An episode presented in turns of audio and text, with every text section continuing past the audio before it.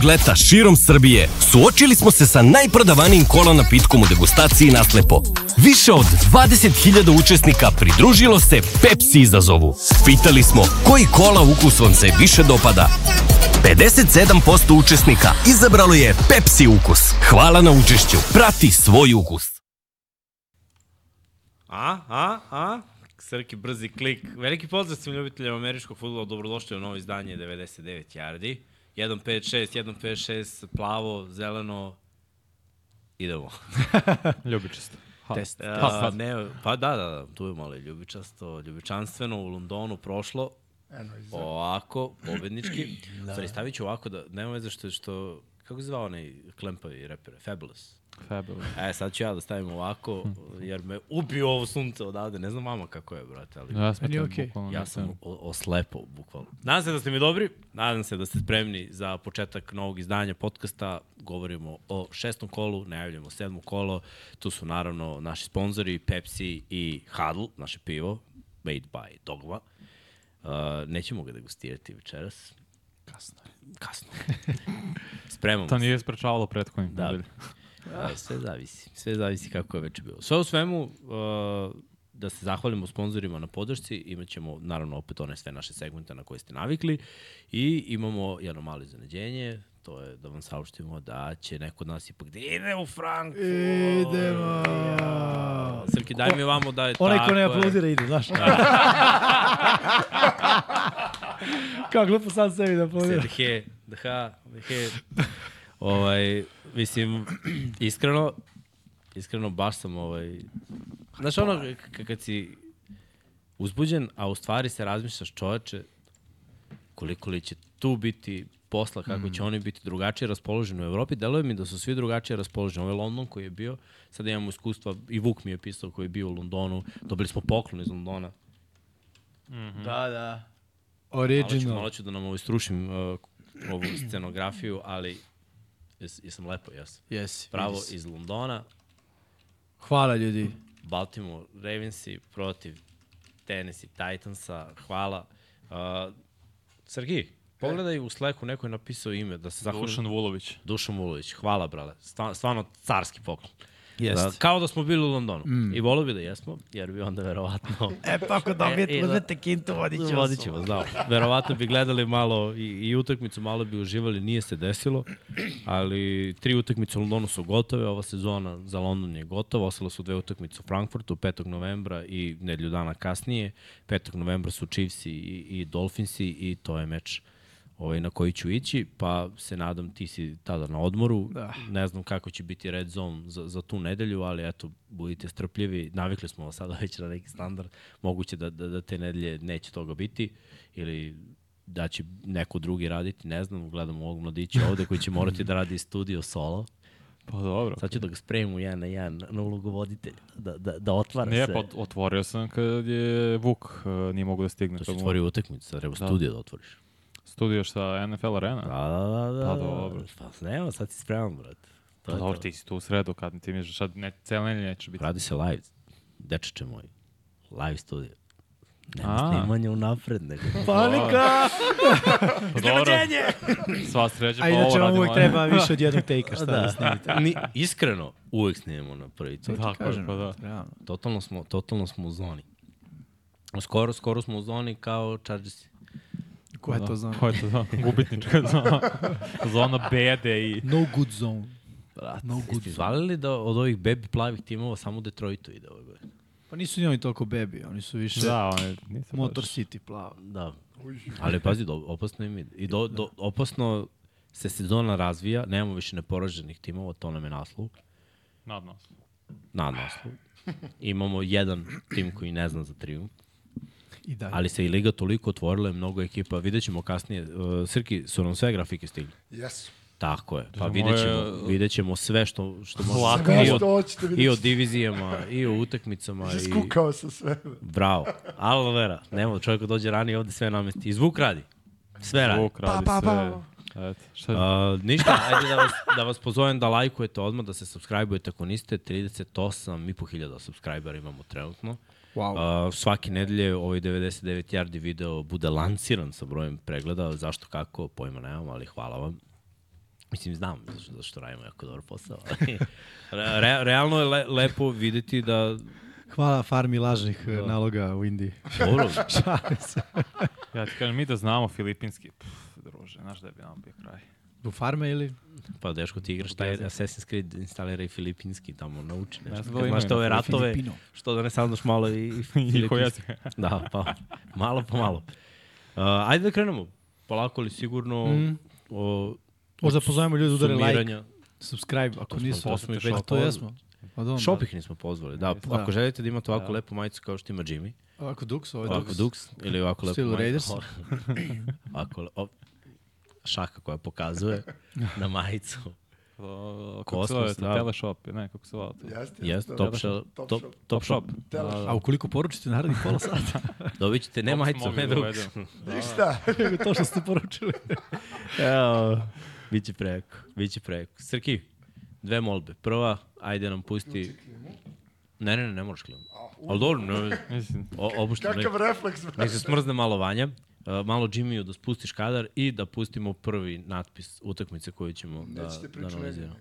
pa, priča nedelje jesu neporažene ekipe svakako i Pa, da, da... dohvatit ćemo to. Je ima neka priča ovako, Julio Jones. A, I došao u Jato, Iglu, Dobro. Orlova.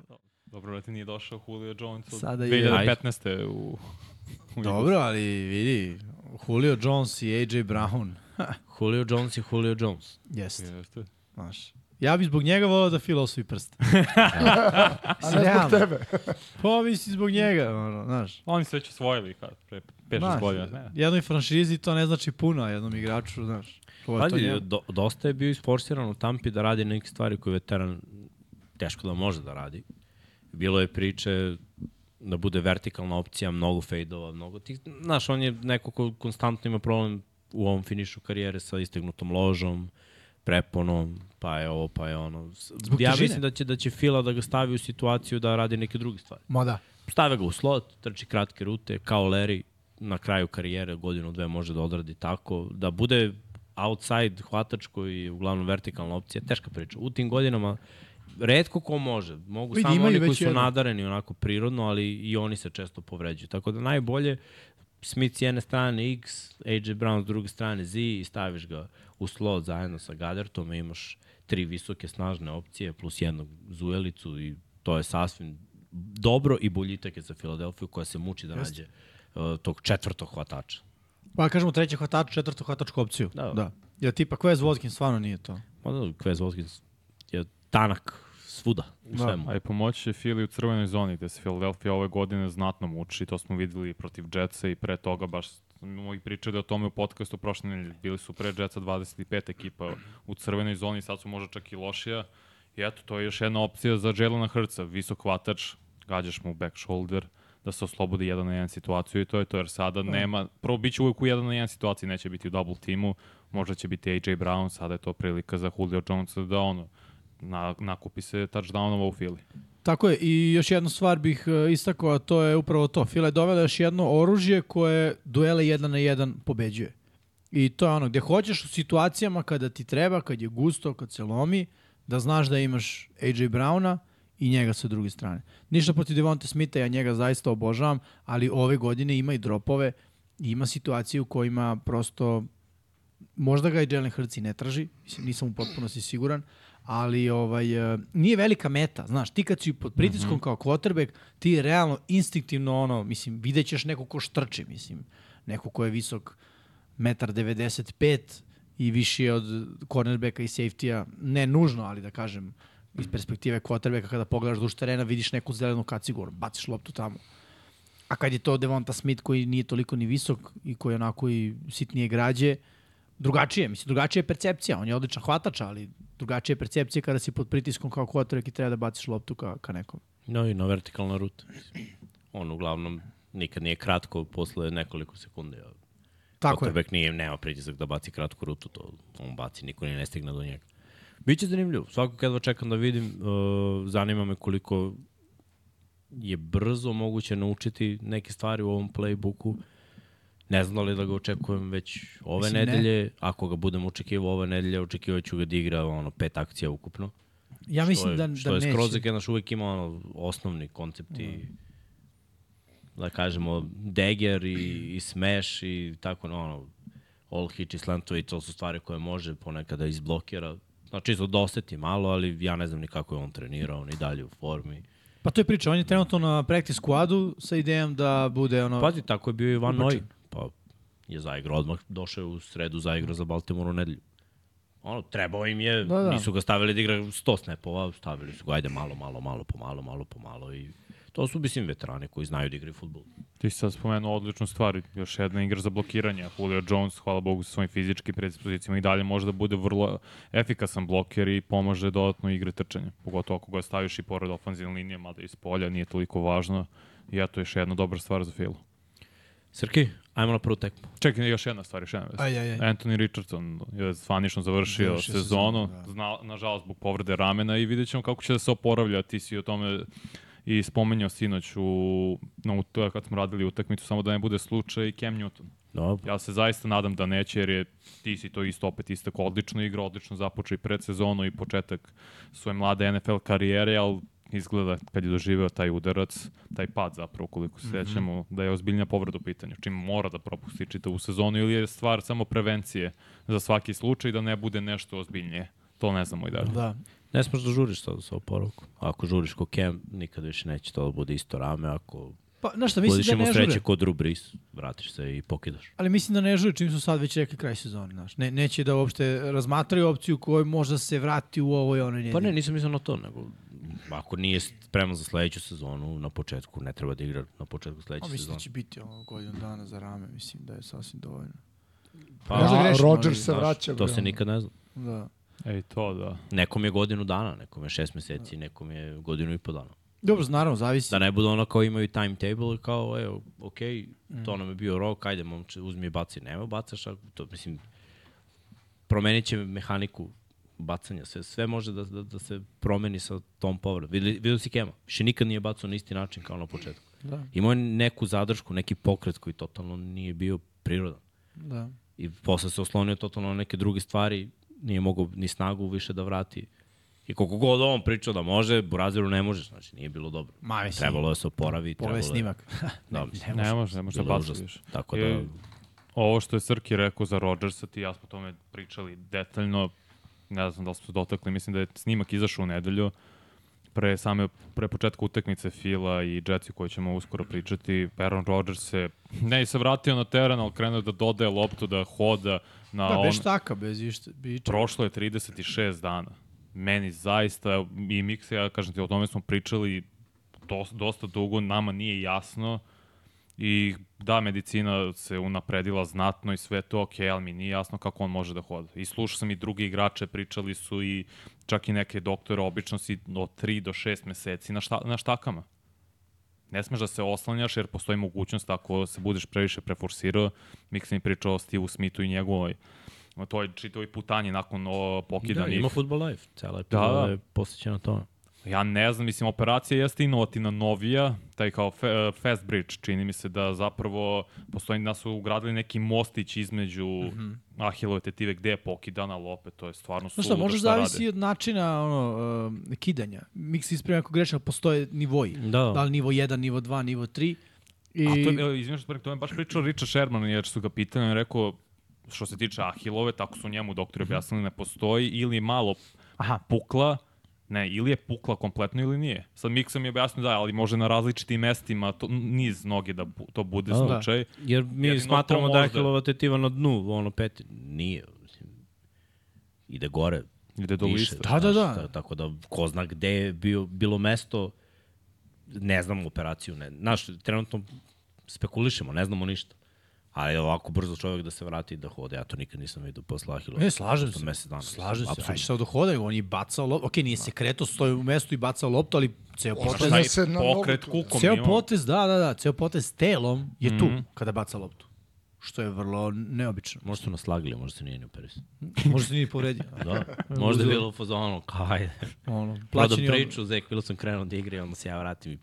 Da. A, To bi baš bilo Aaron Rodgers. još hteo da kažem? Kaler Mare je počeo trenira. Da, da, Ali još dalje je otvoren prozor gde, m, onaj, 21 dan. da, gde mogu da ga vrate na listu povređenih ili da ga unaprede u, u ovaj... Kao Jalen Ramsey takođe za Dolphins, što će njima dosta značiti. I eto, može da zaigra pre decembra, što znači, da kažemo, sredinom novembra, možda prva nedelja novembra, vidimo Jalen Ramsey. Ne znam da li će biti baš Frankfurt, ali možda nedelju dve nakon toga. Će ga pita, brat. e, gde si Jelene? Kako kolena? Će da igraš, brate, a? Dave. Ajde, Srke, pušti teku, ne mogu više. Može. Ja, pre, pre nego što Branislav Kovačević mi je donirao 2500 dinara. Opa, brani, leglo plata.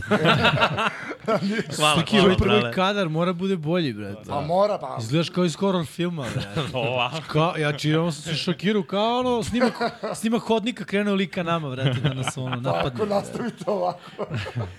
Josh Allen ima loše večer. U kafani. Propo. Da, ja. Spavaš li Josh Allen? Spava, veruj mi mirno. Evo, pa Ajde to. onda, uh, daj nam prvu teku. Daj nam, brate, ne, neki šok nam. Ja. A, odlično, odlično. Šokerimo Džibija. Kako smo izmalerisali San Francisco i Eagles-e prošle nedelje, to je neverovatno. Nismo ih ništa mi. Mi smo ih mi ništa malerisali, Ja realno. to pričam, brate. Sami ja su se u- doveli u situaciju. I jedni i drugi, ali ajde da pričamo o Eaglesima, su igrali Ajde. protiv jako čvrste odbrane. Ajde da pričamo u prvom poluvremenu Eagles. Dali su dva touchdowna. Ali to su standardni Eaglesi. Ne, ne, da, ali to je 14 poena. Gde su nestali u drugom poluvremenu? To je pravo U pitanje. Njujorku izgubili se. S obzirom da se ne dešava da Philadelphia i San Francisco uvek nađu način da postignu neke poene. Takvi su timovi, jednostavno. Znači, pa, pa i Chiefs, moramo i njih da stavimo u tu priču. To, to su ekipe koje su toliko bile dobre prethodne godine i ove godine, da i kad igraju loše i kad gube, daju poene. Makar to bila neka situacija da ono dođe do field goala da. i to da isto. Mislim, ok, Elliot je promašio jedan field goal, ali to je jedan poen više. Izgubljene lopte uh, za te ekipe takođe, ajde, Chiefs gube lopte, ali Eaglesi ne gube toliko. Ne lopte. gube. Uh, 49ersi ne gube toliko lopte. Gubili su lopte na, na ovoj utakmici. Da, da. I jedni i drugi. To je bio problem. Jeste. To je bio problem. Uh, opet, bez obzira na sve, da dođemo do četvrte četvrtine, pet minuta do kraja, da uzmemo taj posljednji drive Eaglesa, nije ni bilo pet, bilo je dva nešto do kraja. Kada je bacio Jalen Hurts interception, pa su Eaglesi pustili posle taj posljednji touchdown gde su Jetsi krenuli, preokrenuli rezultat i poveli. Isto dodavanje koje je bilo jako čudno.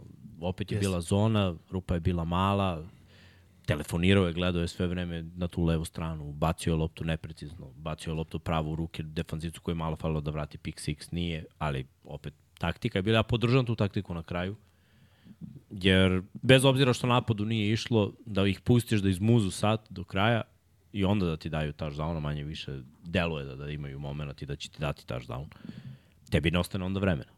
Pusti ih onda odmah da daju touchdown i bar radi sa dva minuta da, da vidimo šta može. Apsolutno, apsolutno. Meni je to bila taktički jako dobra odluka.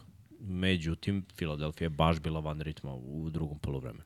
Uh, možda ta povreda Lejna Johnsona, koji, da koji je posle u drugom polovremenu igrao, tamo u posljednjem možda, ili pred posljednjem, u prvom polovremenu smo videli da, da ima povredu.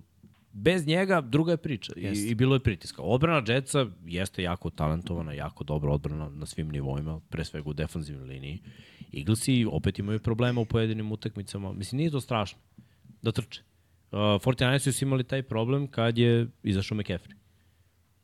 Ne bi trebalo sa onom ofenzivnom linijom da imaju problem da trče. Ni protiv Clevelanda, nije ni Cleveland bio toliko dobra ekipa. Isto kao i Jetsi. I Srke, protiv možemo Jetsa- grafiku I samo. protiv Jetsa može da se trči takođe. Tako da male mane na jednoj i na drugoj strani nije sad uh, ekipa Jetsa odigrala nešto spektakularno, imali su osvojene lopte, odbrana je radila posao, trčanje je defanzivno. bilo trčanje je bilo onako ispod proseka. Uh, Zach Wilson je bio okej, nije gubio loptu, nije dodavao za touchdown. Bilo je lepih poteza, bilo je nekih lepih hvatanja. Garrett Wilson je imao dobar dan, nekoliko lepih hvatanja. Zerlane je imao 4 u 4, 12 pojena čovjek postigao od ovih 20. Vidi, ali ključ e, pobede Jetsa je limitiranje napada Eagles. Mislim, to je to. Jetsi ne, ne mogu da pobede meč. Uh, vidi, Zrlan je 4 od 4. Uh, da je jedna situacija manje bila, da je bio 3 od 3, to je već 17 pojena.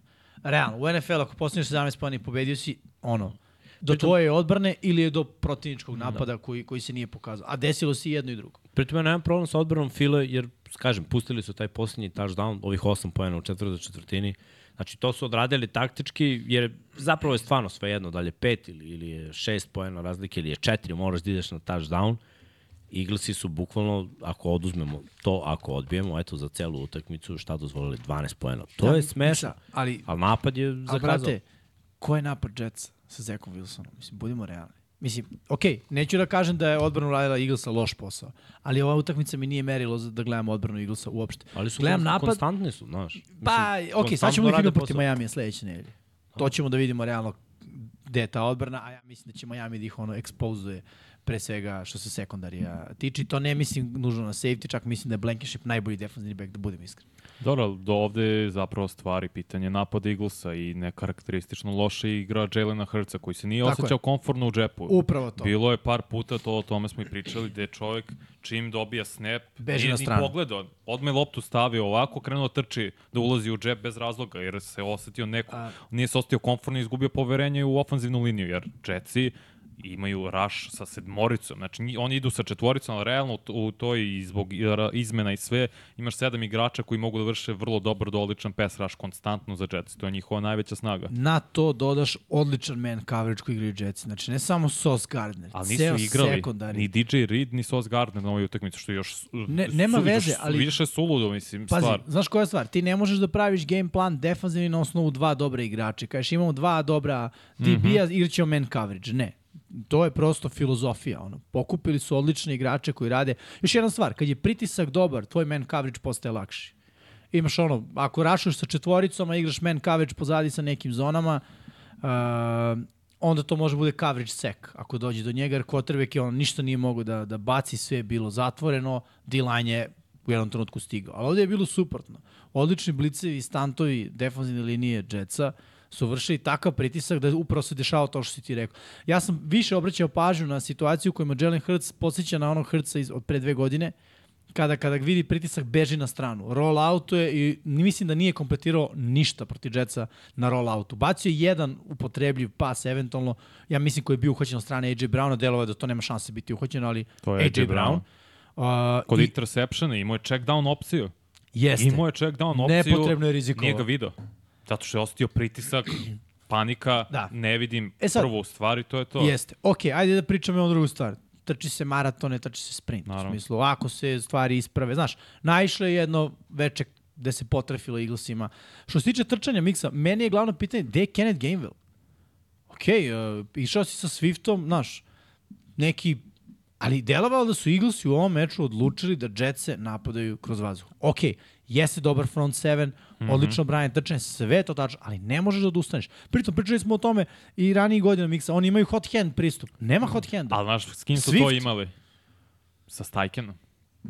I to je veliki Jeste. minus. Ofenzivni koordinator više nije tu, sad je glavni Jeste, trener. Ali sjeti se početka sezone. Počeo je Gainwell, uh, Swift je bio na klupi ušle dve akcije. Tako je, i onda je Onda eksplodirao ušao Swift, drugu, treću eksplodirao, utakmicu jest, i ali- kao to je to, samo Swift. Ali fali je, Stajken. Ali uvek dođu tekme u kojima nešto ne ide. Mislim, ovo je bila jedna od tekmi gde nije išlo.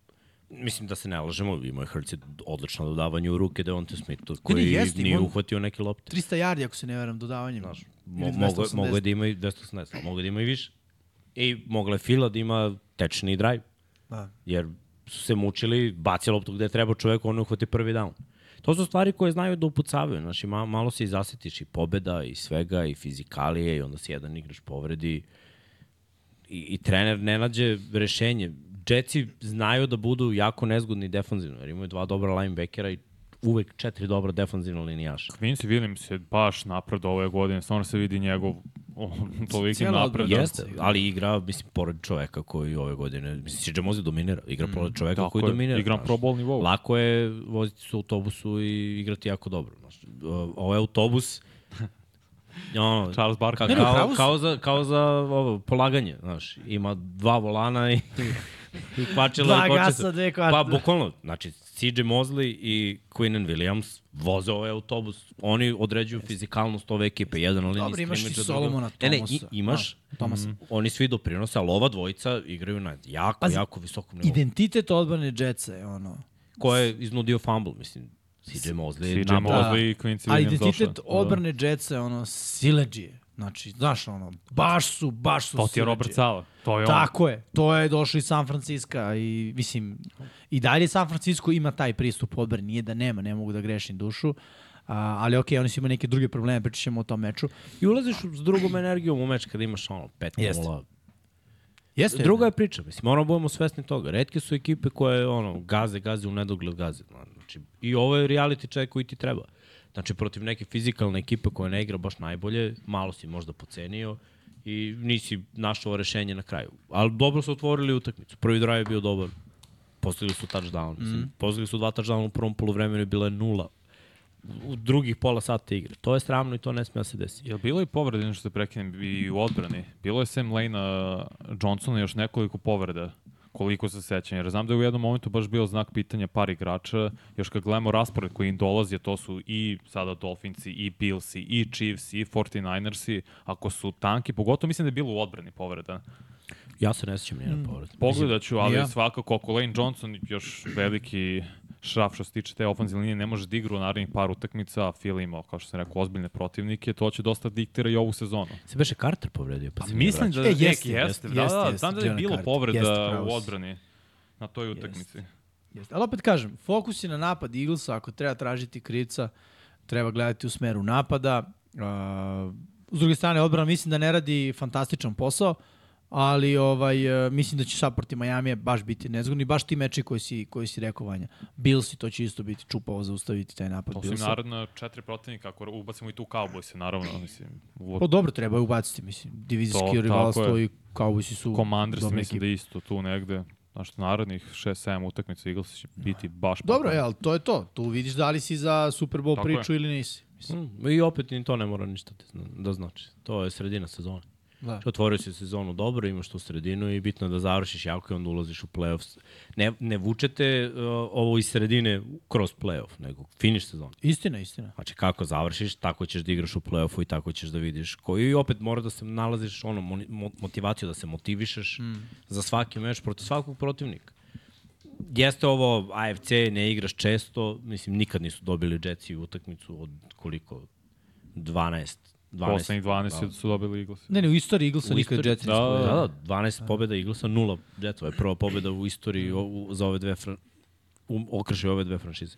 Tako da okej. Hoćeš o Jetsima evo kratko, mislim, Da, da, da, kroz pa- šest kola, pazi, imaju tri pobede, bez Rodgersa, ovo je najbolji mogući scenar za njih, a igrali su protiv Hrca, Vidi. što je pričao i Sala, protiv Mahomesa, Josha Allena. Pobedili su upravo to. Pobedili su Billse, pobedili su Eaglese i koja im je treća pobeda?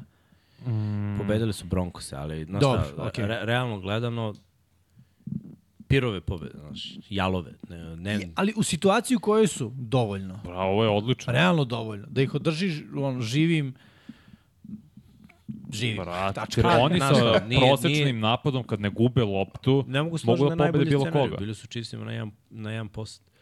Mislim, odbrana je zakazala protiv Chiefs, nisu zustavili Mahomes. Uh, on je našao kako da ih dobije na kraju. Josh Allen nije našao, jer je rizikovao i pravio gluposti. I nije koristio svoje noge, kao što je Mahomes jeste u nekim situacijama. Hurts nije koristio svoje noge. Tako je, tako je. Znaš, uh, postoje načini. Nisu Jetsi sad kao, wow, to je defanzivna elita. Nije tačno. Mnoge ekipe znaju da nađu način da pobede ove Jetsi. Samo što, eto, su desi se, da, da, de, desi se meča, bili desi su se poceniš. Patriotsi, kad je napad bio grozan, Da, baš grozan. Bili su Cowboysi kad je isto napad davao i mislim da su pod, u toj utakmici Cowboysi su Cowboysi bili- pobedili, Cowboysi dali su dva bili- defanzivna touchdowna. bio je šok za njih, za njih Rodgers je nestao, Tako je. druga utakmica, to je šok, to, to ne računam, to, znaš, piši propalo, to, to što se desilo. Ovo što se desilo, Billsi su čokovali protiv njih. Tako da ono, ni- nije najbolji scenarij, najbolji scenarij bi bio 4-2 ovde, jer, no, ili 5-1 jer bi dobili Patriotsi koji su kanta ekipa, oni su izgubili od Patriotsi koji imaju 1-5 15 i nisu dobili Chiefs. Znači, nije najbolji scenariju, ali oni su ekipa ko, ko, koja može da bude zadovoljna ovim. Jer su izvukli maksimum koji su mogli da izvuku tim balansom napada i odbrane. Nije to dobro i AFC će se iskristalisati tako da, mislim, ja Jetsi ne mogu da vidim kao ozbiljnu ekipu dokle god ovaj napad bude igrao. Jer ako trčanje zatvoriš, oni ne postoje u napadu. Samo je pitanje koliko ekipa može da zatvori to njihovo trčanje, kao što je Fila zatvorila sada. Jer šta su oni, ekipe koje su dobijali, Brice Hall se rastrčavao tamo po 200 yardi imao. Denver. Mislim, pusti priču, neće se to dešavati uvek. Ali dobro, 3-3, Sve, sve pohvale, lepo je, žao mi što Srki nije ovde, on bi cvetao, ali pošto nije tu, mi idemo dalje. Pa dobro, da. Možemo dalje, imamo još utakmica da obrađujemo. 49ers Browns. To je Još bio šok. šok. Nisam očekivao PJ Walker uopšte da startuje, ali svakako bolja opcija, jer je donosio brže, do- donosio brže rešenja koja su bila bolja. Uh, 49ers je prvi napad savršen, touchdown, McCaffrey, sve ok, fizikali je tu, povredio se Dibo.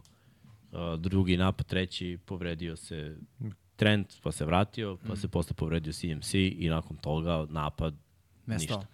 Uh, nisu mogli, vreme bilo loše, bilo jako teško igrati leprša futbol, ono, dodavanja i to play action, Ayuk se nije pronašao. Browns imaju kvalitetne defanzivne bekove. Mm. Uh, Brownsi jesu jedna jako dobra defanzivna ekipa.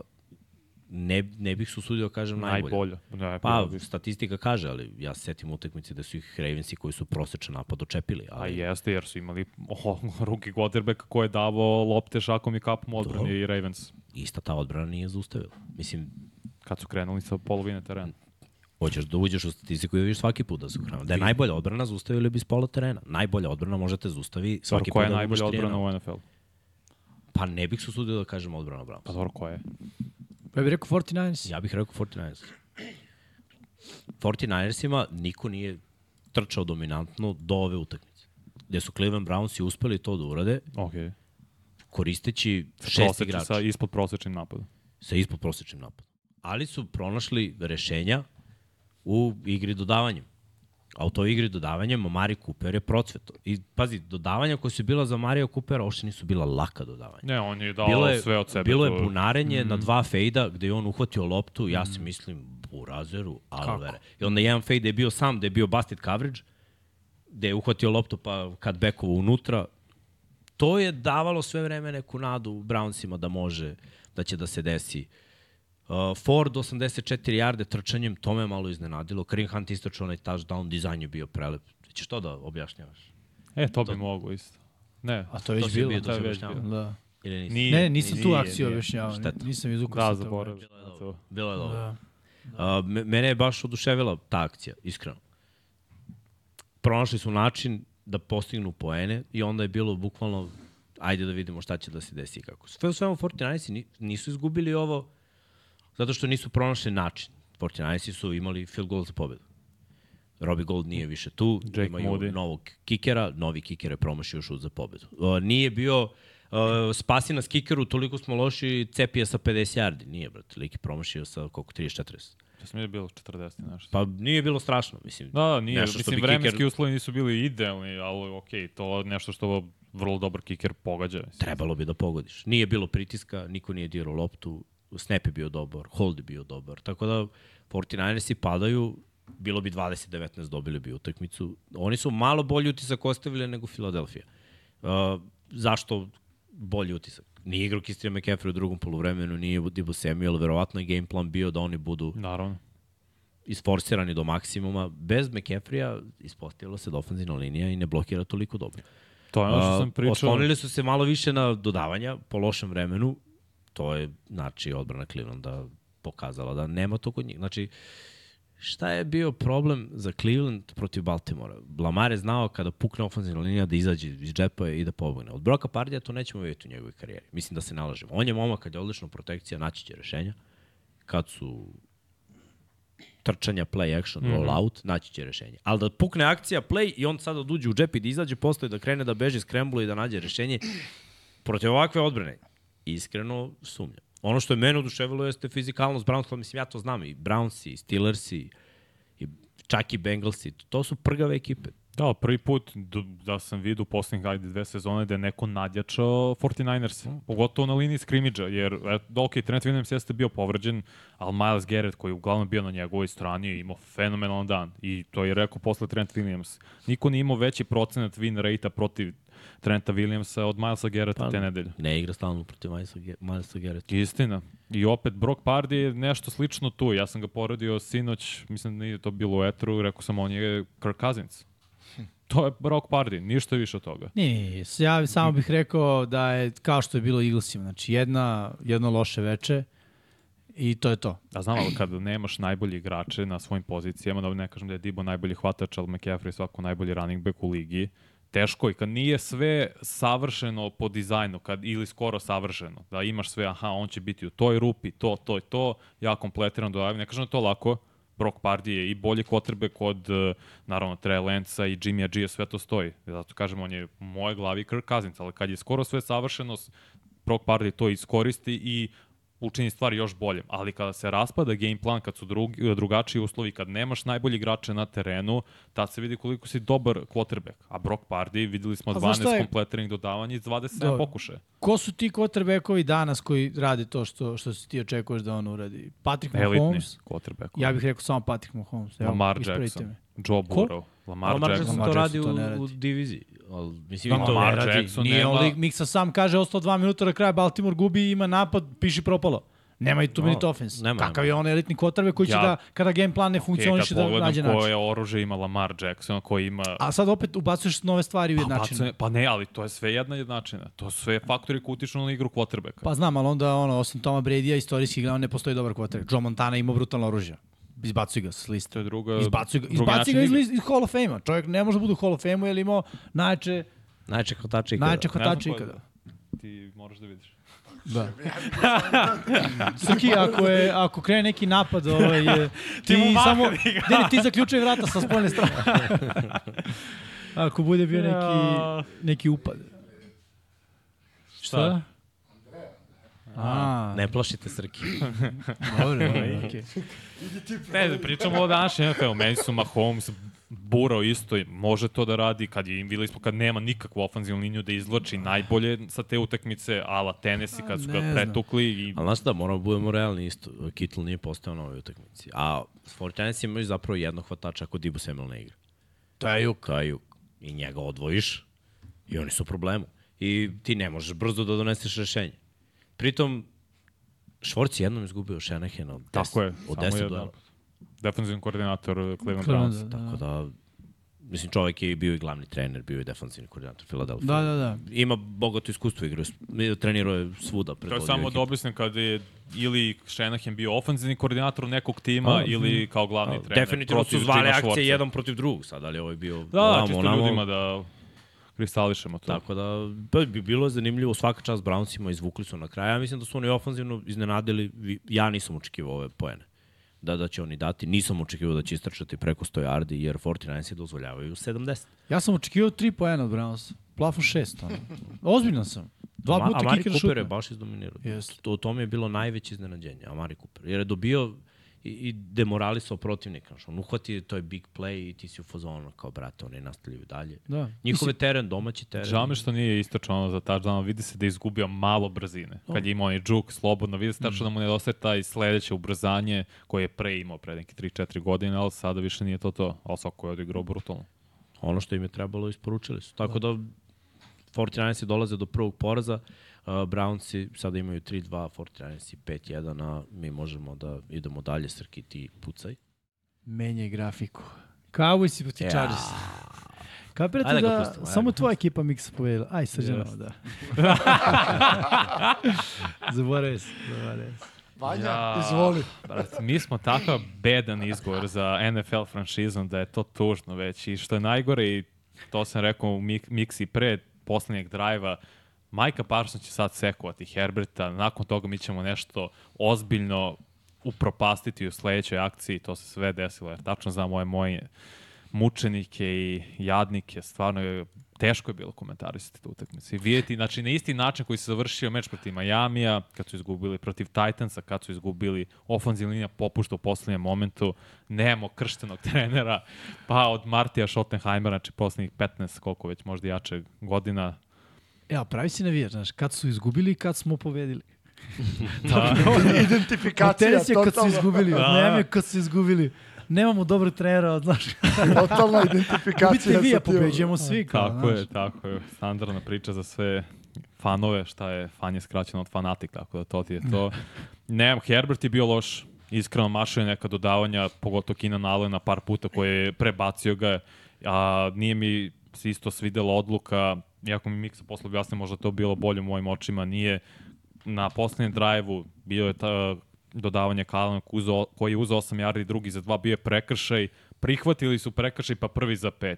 Mislim da se tu malo momentum izgubio, imao si drugi za dva, mogo je Allen da istrči, da osvoji novi prvi dan, nije bio svestan gde se nalazi Ali trenutno. u toj situaciji na kraju utakmice ti trebaju pokušaj. Treba ti Ne, više ne, pokušaja. meni je to jasno i vidimo Herbert 22-37, to je katastrofa. Loše to je baš Herbert. loše. Videli smo i i imao je neka super dodavanja, uglavnom je prebacivao. Interception je bio.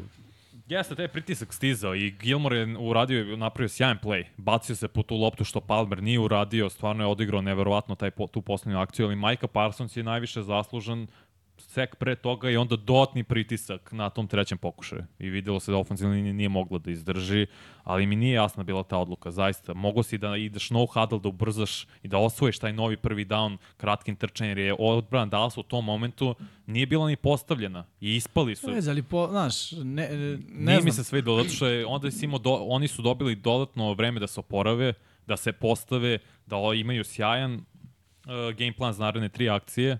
To mi se baš nije svidalo ili šta da očekujemo od Staley-a koji je ono. Mislim i kriv je takođe uh, Kellen Moore. Loš Pa, game plan.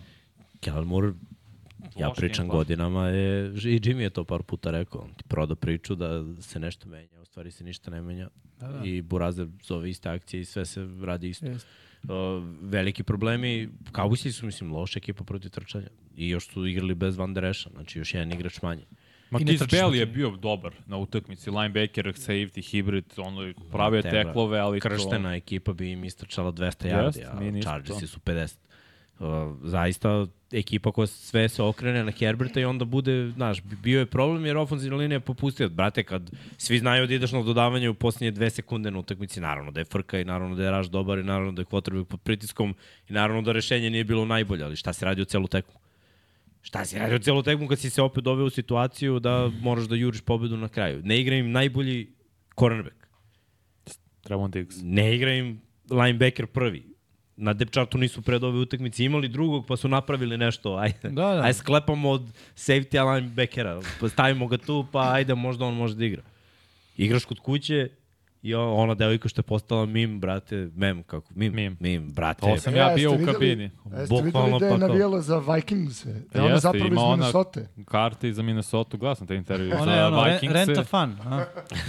Ne, ne, ne, ona je iz Minnesota. Kapirali su da ima dobre reakcije, kao je kao, što mi što ove nedelje malo nosiš dres? Ima sezonske karte za Chargers i za Vikings. Eto, izabrala. si. Živi, što bi rekli, živi na relaciji LA i Minnesota. Živim na relaciji poraz od kola do kola. Bukvalno.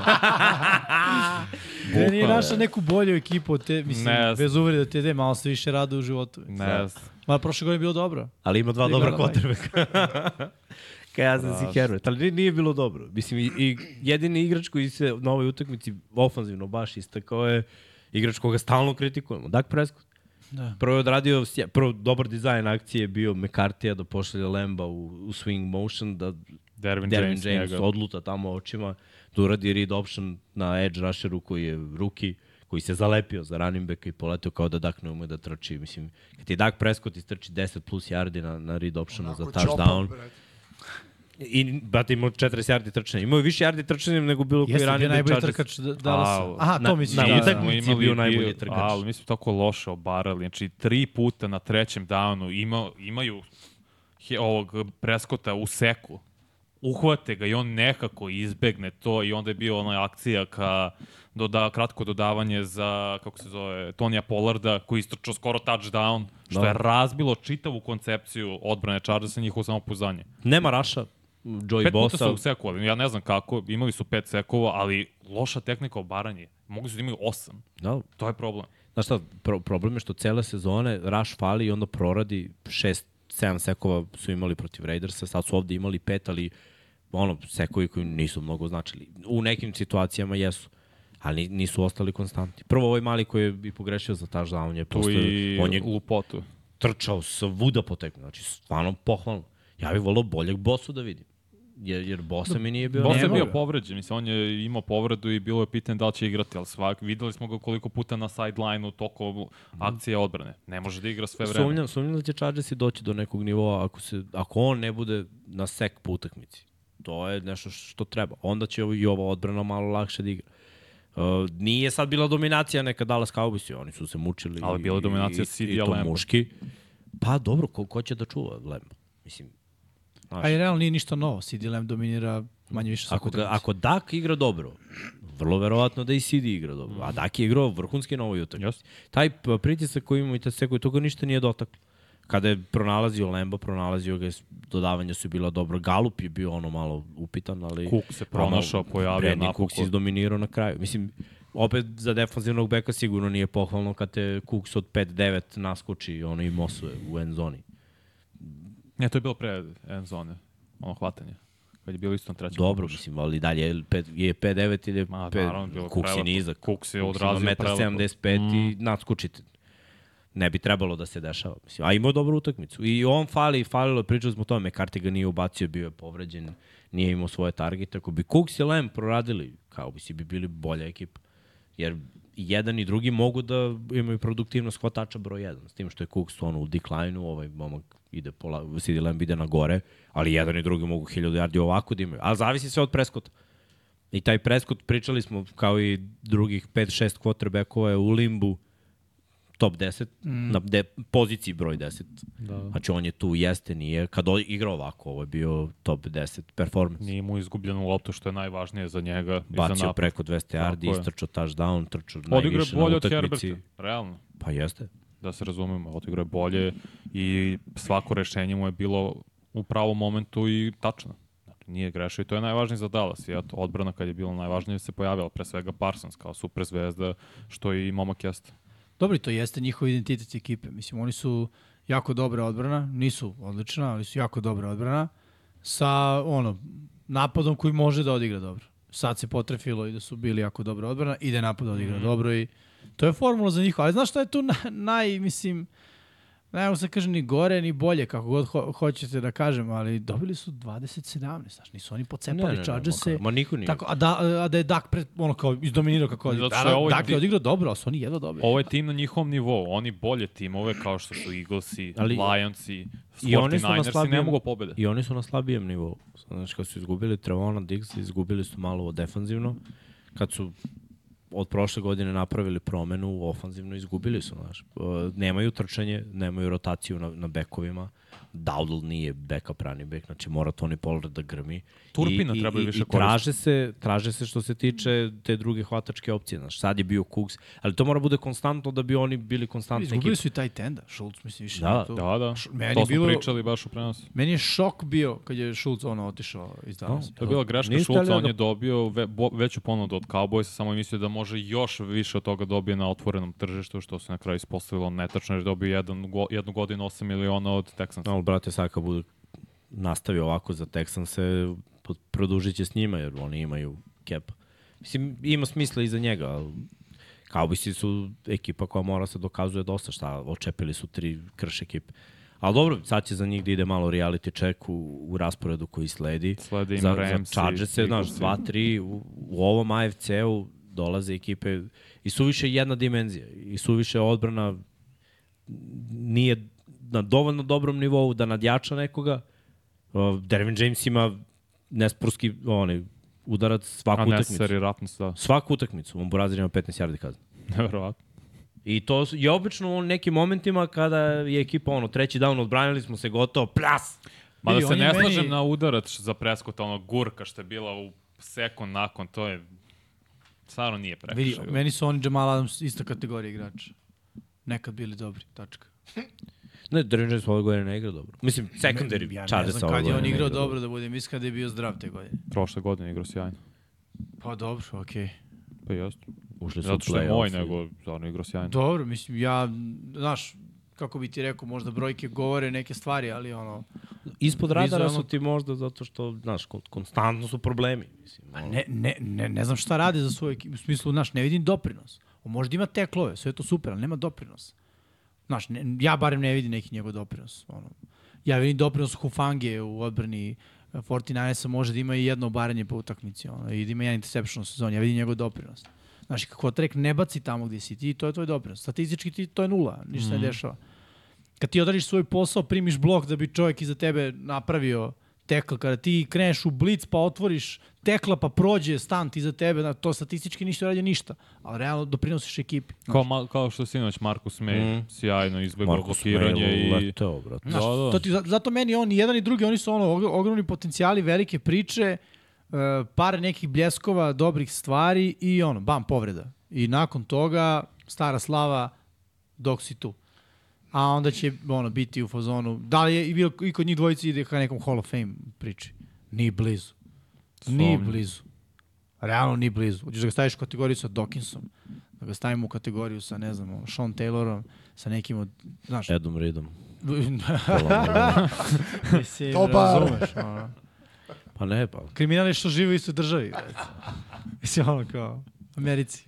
Šalno stranu. E, prosto ono, okej, ali ne, ne vidim neki njihov širi doprinos. Ajmo dalje. Ajmo. Ajmo dalje. Dajte to. Daj taj to. Detroit proti Tampe. A što ovo izdvoji smo? Pa dobro. Nema puno dobrih utakmica oko Nema, ovo, nije iskreno. bilo, da. Bila je jedna u Londonu. E, ali u ovom drugom terminu su bile Ne. dobre utakmice. Realno. Bili su i 49ersi i Eaglesi i šta je beše još bilo? Bile su još neki, su bile sve zanimljive utakmice. Pa ovo je bilo utakmica u drugom terminu. Pa nije bila, kao što rezultat kaže, rešena lako u korist Lionsa. Mučili su se i Lionsi, bilo je ono jedan posed i onaj drugi touchdown Amon Ra kad je postigao, to, to je Reynolds malo je rešilo. Mislim, nisu, povredio se Montgomery, to je pek za Lionse. Odbrana je vršila pritisak jedna i druga sve vreme, bila baš defensivna utakmica, mislim, dva- 26 poena sve vam govori. Uh, Jared Goff je imao dobru statistiku, 353 jarda, međutim, nekako je izostalo ono što im je najpotrebnije, to, to je taj touchdown. Na kraju su se povezali, kažem, Amon Ra, Sam Brown je uhvatio touchdown, napravio haos, pometnju i, postigao blok. Reynolds je bio fantastičan. Mm. Baker Mayfield se nije pronašao sa svojim hvatačima, ja ne znam koliko je Evans bio spreman da igra ovaj meč. Uh, Imali su bye week, mislim. pritisak je bio veliki, trčanje im nije moglo ništa. I čim oni nemaju trčanje, to, to je priča Tampa ove godine, vrlo verovatno. Čim ne budu trčali dobro, ili bar mnogo, Baker Mayfield, kad bude dodavao 40 puta, oni će dobiti ovakvog Mayfielda, pogrešit će, baciti interception, ili ne znam, neće imati interception možda, ali će imati slab procenat kompletiranih dodavanja, ovo je tu negde 50% manje više. Miksa oni ni jednu na ove godine, na- ni na jednoj utakmici, bilo je pet, nisu prešli preko 3,5 jarda po nošenju na toj utakmici. A pa trčanje, je problem. Trče ne postoji za Tampu. I pričali smo o tome, nabrajali smo te running backove koji su bili uspešni za Tampu i činjenica je da čak i kad je Fournette došao, on nije u regularnom delu sezone ništa radio posebno. Mm -hmm. Kao da kažemo, wow, evo ga ima šest yardi po nošenju, ima i u hiljadu yardi, ne. Bilo je ono Brady show i hvatači taj tendovi, sve vreme je bilo ono spread the ball, spread the bread. Ali ovaj, Pro, mislim, realno gledano, Baker neće to raditi. Ne može Iako da- je pekar, nema leba. Nema leba od toga.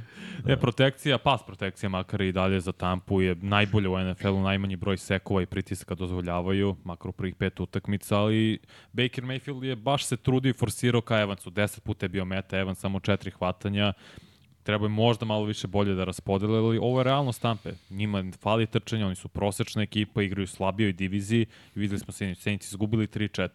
Ako oni diviziju reše, igraju sad protiv Atlante, to će, njima, to će njih odvesti u playoff zapravo. Mm. I sve zbog odbrane će to i učiniti, dok s druge strane Detroit 15 utakmica sa redom preko 20 poena, rekord franšize, u poslednjih 16 utakmica pobedili 13, što znači da rade sjajan posao i pohvala i za Bena Johnsona, ofenzivnog koordinatora, ponovo je koji je on genijala zapravo. Kako ta ofenzivna linija se i lepo kreće i šeme blokiranja, to vi možete mnogo bolje da objasnite. Ja samo to vidim ovako na terenu, ali mi nije najjasnije kako to koliko tako efikasno to rade. Ne može to svako da radi. Znaš. Mm. Ti možeš da zamisliš, ali nije pametno da zamisliš ako tvoji igrači ne mogu da Ne, izvedu. Penny Sewell to, je to što meni si brutalan zamislio. tackle. Znaš, oni se stvarno igraju. I nije samo u tome stvar, imaju dobar identitet. Mislim, Montgomery kada je na terenu imaju taj identitet i odbrana druga mora da, da poštuje to pritom oni mogu da promene identitet točno postaje da se pretvore u ono, u spread Rams ekipu. Mm da stave četiri Jamesa- hvatača i da, da koriste. Znaš šta, jedina mana na ovoj utakmici bila Porta kog su ugasili,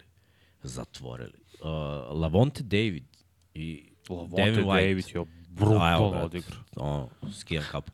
Bolesno, ju sad svetlo me ubi, ali, Od 10... ali skinem sam vam kapu, momci. Brate, ja ne verujem kako su oni igrali u coverage protiv Ruki Titan. Znači, Ruki mlađi treba da leti na sve strane.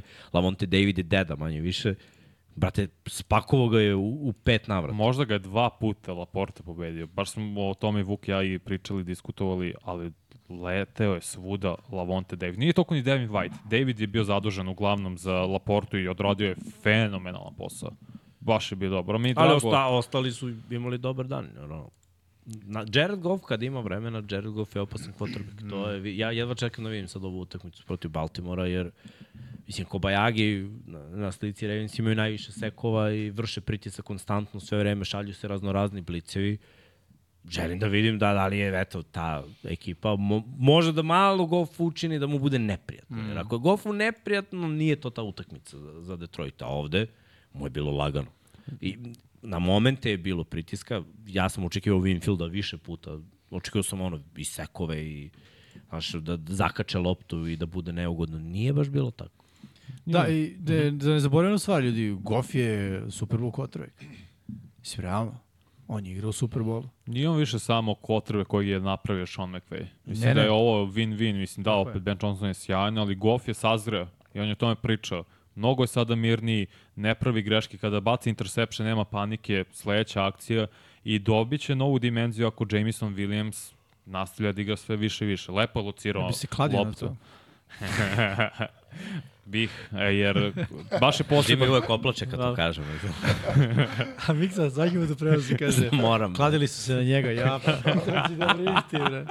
Ovo je jače od mene. E, ali Sora je lepo locirao loptu, ono treba ozbiljan i talent Jeste, da ti i prodao si fintu cornerbacku. Vidi, on je talentovan, ali vreme je da počne da vraća. Ako je, ovo je druga godina, mora sad da igra. Mora da počne da vraća. Prvo je- hvatanje nije uspeo, da treba da se vrati malo ka lopti, malo je podbacio to u golf, ali to je bila greška hvatača jer je imao loptu na rukama, ali ovo drugo iskupio se touchdownom. To je ta prednost, bilo je 3 na 6, I obično- lomi se utakmica. Bucks je pucao na big play. I obrana Lionsa vrši baš jak pritisak. To je...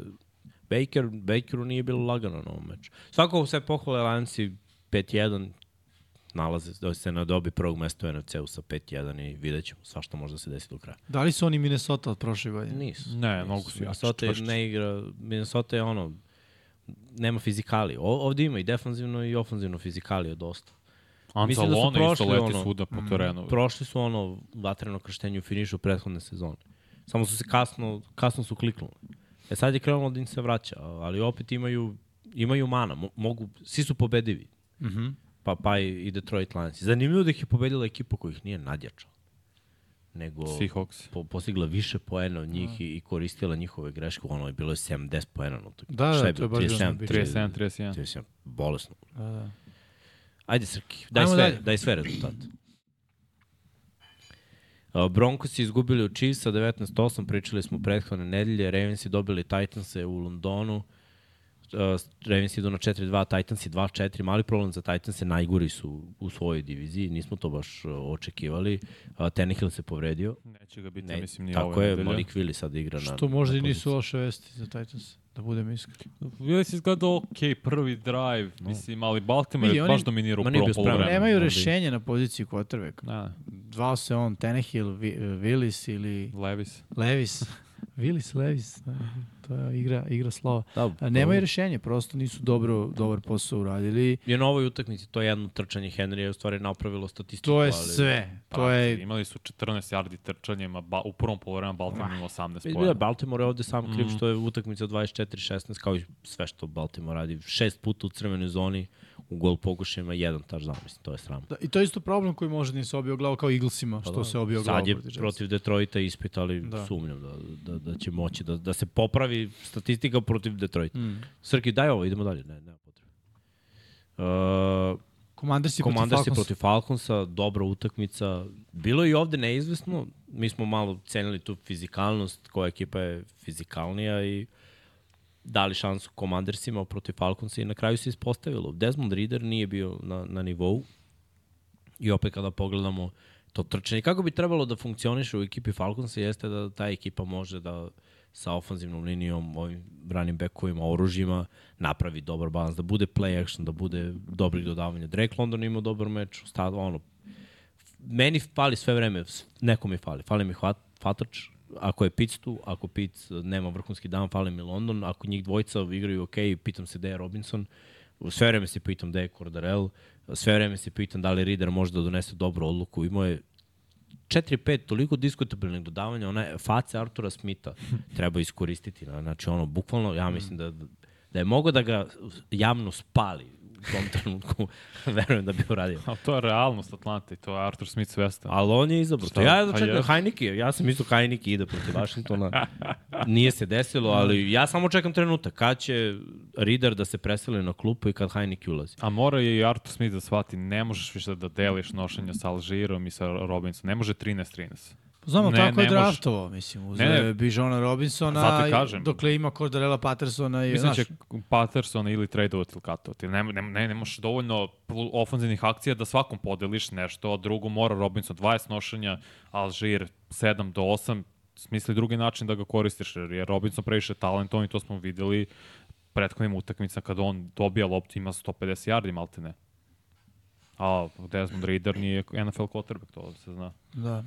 Vikings i Bearsi, uh, derbi ekipa sa skorom 1-4, uh, Justin Fields se povredio, na kraju Kirk Cousins bez JJ-a odnosi pobedu, 19-13, važna pobeda za Minnesota. Uh, još uvek postoji nada do sledećeg kola, bar kada ih čekaju 49ersi. Da. Da. A za Bearse, mislim, novi problemi. O, novi dan, novi problem. Fields neće igrati na je. utakmici. Stigla je ta vest. Tako da Bajenta gledamo u Special Agent Bajent. Greota. Seahawksi došli u džunglu, Izgubili se, nisu uspeli da izađu. rastinje je bilo gusto, tigrovi su vrebali. Jest. Dobro, A, Da, iskreno, iskreno, još jedan podbačaj Napad. Gina Smitha. Šest Ali meni je ovo, ti kad si rekao tvoju projekciju za Seattle, ja samo to, kako ta projekcija kad je Gino quarterback. Nije, ne, mali je uzorak, jedna godina njegova dobra da bilo šta pomislim. I dalje mislim da, da oni mogu jer imaju talenta na sve strane, ali u ovakvim utakmicama gde ekipa druga ima malo bolje premium igrače, oni, znaš, Gino će da zasere na kraju. Eto to. Ja ne mogu da očekujem da, da Gino odvede ovu ekipu u neke visine. Meni je Nemoguće. nerealno da su oni imali samo šest poena u poslednjih 10 ofanzivnih drajvova. Prvi drive sjajan, bam, bam, bam, touchdown, nakon toga ništa. Dobro, odbrane zaustave nešto što je išlo i ti posle moraš da nastaviš da radiš dobre stvari. I ne nastaviš zato što si limitiran. Mislim, 3-2 je dobar skor za Seahawks. I Po- u play-off- play-off su priče, mislim. To je, Ja sam na NFC-u. Pa to, to je za njih uspeh. Ući, ali ne, teško neki jači rezultat. Bengalsi se vratiš od 0-2, 1-3 do 3-3. Nešto novo? Ne. Ništa, svake Ne, godine to rade, mislim, Da. realno. O, počinje Samo čekam kad će da se uigraju i, i da naprave Dobro, problem. ofanzivno i dalje imaju štucaju, ali Štuce, ali znaš šta, Vanja, doćemo do neke 12. nedelje, odjednom će oni biti ono, seed broj 2 u AFC-u i bit ćemo u fazonu kako, šta se desilo, ono, kako smo prespavali Pa ovo. kliknuli su. Kliknuli su. Svake godine to rade. Jamar samo- Chase je sad krenuo da dobija 15-20 targeta Da. po tekmi. Ono, I eto, to je promena. Kao, a, ne znamo šta ćemo, imamo playmakera, bacimo loptu. Jest. Mislim, ono, Do te mere da ono, ti Higginsa, mislim, ne mogu kažem, odustaju, ali ne koriste. No, on on je bio- ima povredu Rebara. po znaku pitanja. Da, ja kad sam ga vidio na terenu, bio sam u fazonu, stvarno. Jer I ti i ja smo baš Da, pričali, da, da. ono, očekivali smo da ne igra. Istina, onda ga istina. jednom vidimo i Ali mislim, čekaj, generalno za Higgins. sezonu, znaš. I ta priča oko ugovora i sve, vjerojatno i to, mislim, ono. Vidjet će. 49 Browns smo rekli, Panthersi poveli 14-0 protiv Dolphinsa Šok bio na početku. i onda Dolphinsi izronili. Mi u red zonu samo gledamo napad Karolina, napad Karolina, Da, oni da. igraju ono Viktorije ili ili igraju protiv Majamija. Možda je bilo, e, ajde ih pustimo pa da probamo da damo 42 I poena. onda možemo da nadomestimo. Da. S koliko možemo pobedimo kad gubimo 14-0? Da, na početku? pa evo, Strašno. 42, 20. Imamo vremena za 70. Da. Ma ne, Haos. Uh, Jaguarsi ugostili u svojoj tropskoj džungli kolce. Močvari. Ma, ma, mačo. Florida je puna močara. Pa, brate, 37-20 s pola gasa. Uh, Gardner Minšu ispucao svoje. To je to. 55 puta Mora je Baltimore lig da reši, a onda ne može... Probao. Probao, pa ne, neverovatno. I Stajken isto ina- mi to nije jasno. No, inače, odbrana Jaguarsa baš krade lopte ove godine. Mhm. Baš. I Najpredvodna sinoć su ligu. Da, da. Ja sam da čast. kažem komentar na vez da je Anthony Richardson povređen, to je to od sezone kolca. Mislim, realno jeste. Pa jeste, moraju to koriste bukvalno 40 puta noš, 40 nošenja podeli Zeku Mosu i Tayloru A to se Ovaj- neće desiti. Znam da se neće, to ja ne mogu da zamislim da ponovo baci preko 30 puta Minšu, sad je bacio 55 puta čovjek. Barate mili. Nije, nije to za njega. Ajmo dalje, Nije Stikane. ni za koga. Saintsi protiv Texansa u Houstonu 20-13 za Saintse, Stroud bacio Za prvi Texans. za Texanse Stroud bacio prvi interception, a Saintsi razočarali ofanzivno, još jedna utakmica ispod 20 poena za njih. Dobro, grup je promašio dva puta, grup je ušao u ovaj fazom promašaja. Raidersi dobili kod kuće Patriots je 21-17. Uh, solidna utakmica, Myers je bio no, ok. Čitava ekipa, odbrana pre svega odradila svoj posao, jako su Patriots imali neke šanse i ne mogu da krivim samo Meka Jonesa, ono dodavanje na kraju Devante Parker. je baš bilo lepo za Parkera, on je uhvatio taj fade i, i u toku utakmice je bilo mislim da nekoliko je? situacija. Znaš šta, kad se setim ove utakmice, znaš šta ga se prvo setim? Kako je Jimmy G namestio Devonta Adams. Uh, O, Bože. Dobro, to mi je prvo, ja kad, sad kad Raiders se sedi, prvo što pomislim, čovjek hvata slant i ovaj ga uništava Jabril Peppers. Što mu bacaš to kad vidiš da se ovaj zalete kam... A, znaš šta bih rekao što tiče napada Patriotsa? Nema hemije. Mislim da je to problem. Da ne postoji neka povezanost među igračima koja će da, taj neki, da kažem, neopipljivi moment koji će da ih drajvuje dalje. Znaš, nije samo Mac Jones, apsolutno se slažem. Mislim da je Mac Jones kao neko ko svaku akciju dodiruje loptu, ono, instrumentalizacija cele te, mm -hmm. celog tog uh, ambijenta, ali mislim da je ambijent u Patriotsima, mislim da nije dobar. Pa Nemaju talenta u napadu. Nemaju talenta. A, dovoljno. mislim, Ko je najbolji hvatač u Patriotsi? pa mislim, Gesicki je dobar talent. Dobro, te taj ten hvatač. Ko je wide receiver broj 1 u Patriotsima? Pa mislim, vidi, taj Kendrick Devonte. Parker i Kendrick I Bourne. Kendrick on Bourne je top broj 50 hvatač u NFL. I imao je, imao ono dobro hvatanje. Mislim, gledaj, ti možeš... Rekao si talent, talent šta je, je veći, potencijal. znaš šta je veći problem? Veći problem je što s takvim hvatačima, ako želiš da napreduješ, uh, ofanzivno, oni mogu da budu produktivni, ali trčanje mora postoji. Ne može trčanje da bude Ramondre Stevenson, Slow Mo i Ezekiel Elliott. No move. No, no, no bravo, nothing, brate. A, to je to.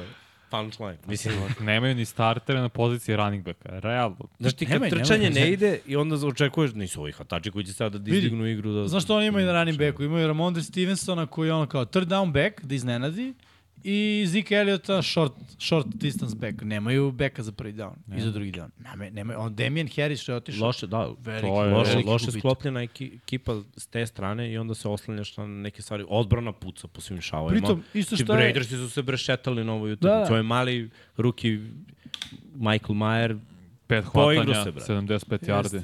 po, ja gledam šta, šta je isto- ovo, Gronk, Baby Gronk. Znaš šta je isto neobično za napad eh, New Englanda? Uh, nepostojanje trećeg, četvrtog i petog running backa. Mislim, nekih imena koje se tu rotiraju.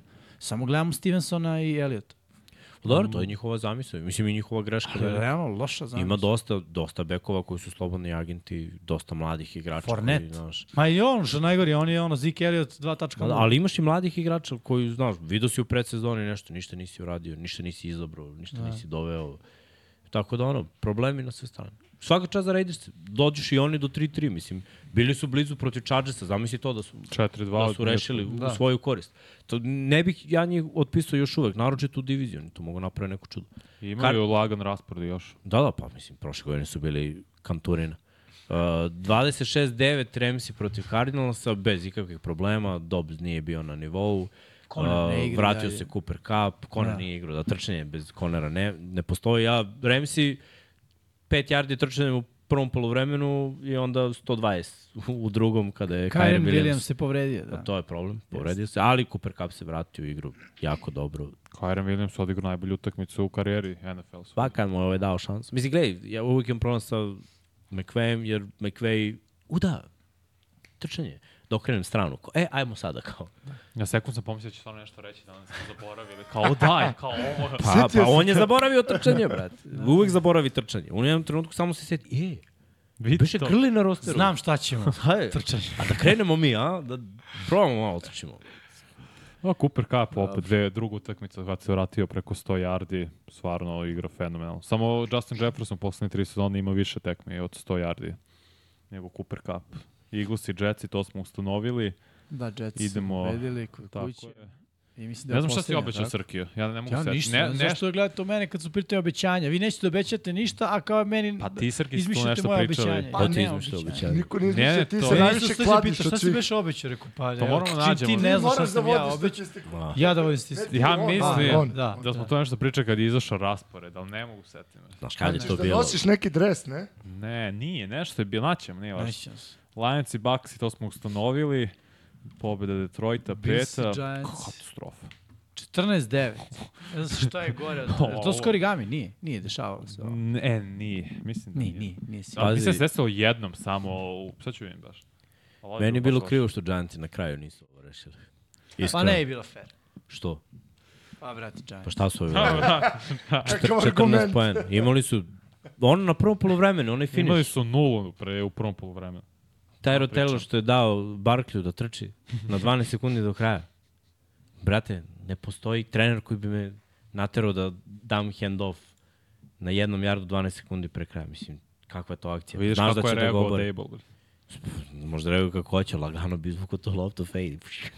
Imamo još 10 sekundi kao šta sad. Mislim, kako trčanje, bre, kakve opcije, nema tu opcija. Mislim, glupost. Glup, tu da su bocnuli trojku, druga priča. Na kraju bi išli na trojku i bi pobedili. A ti dobiješ šansu, odradiš sve kako treba i tako ne razmišljaš.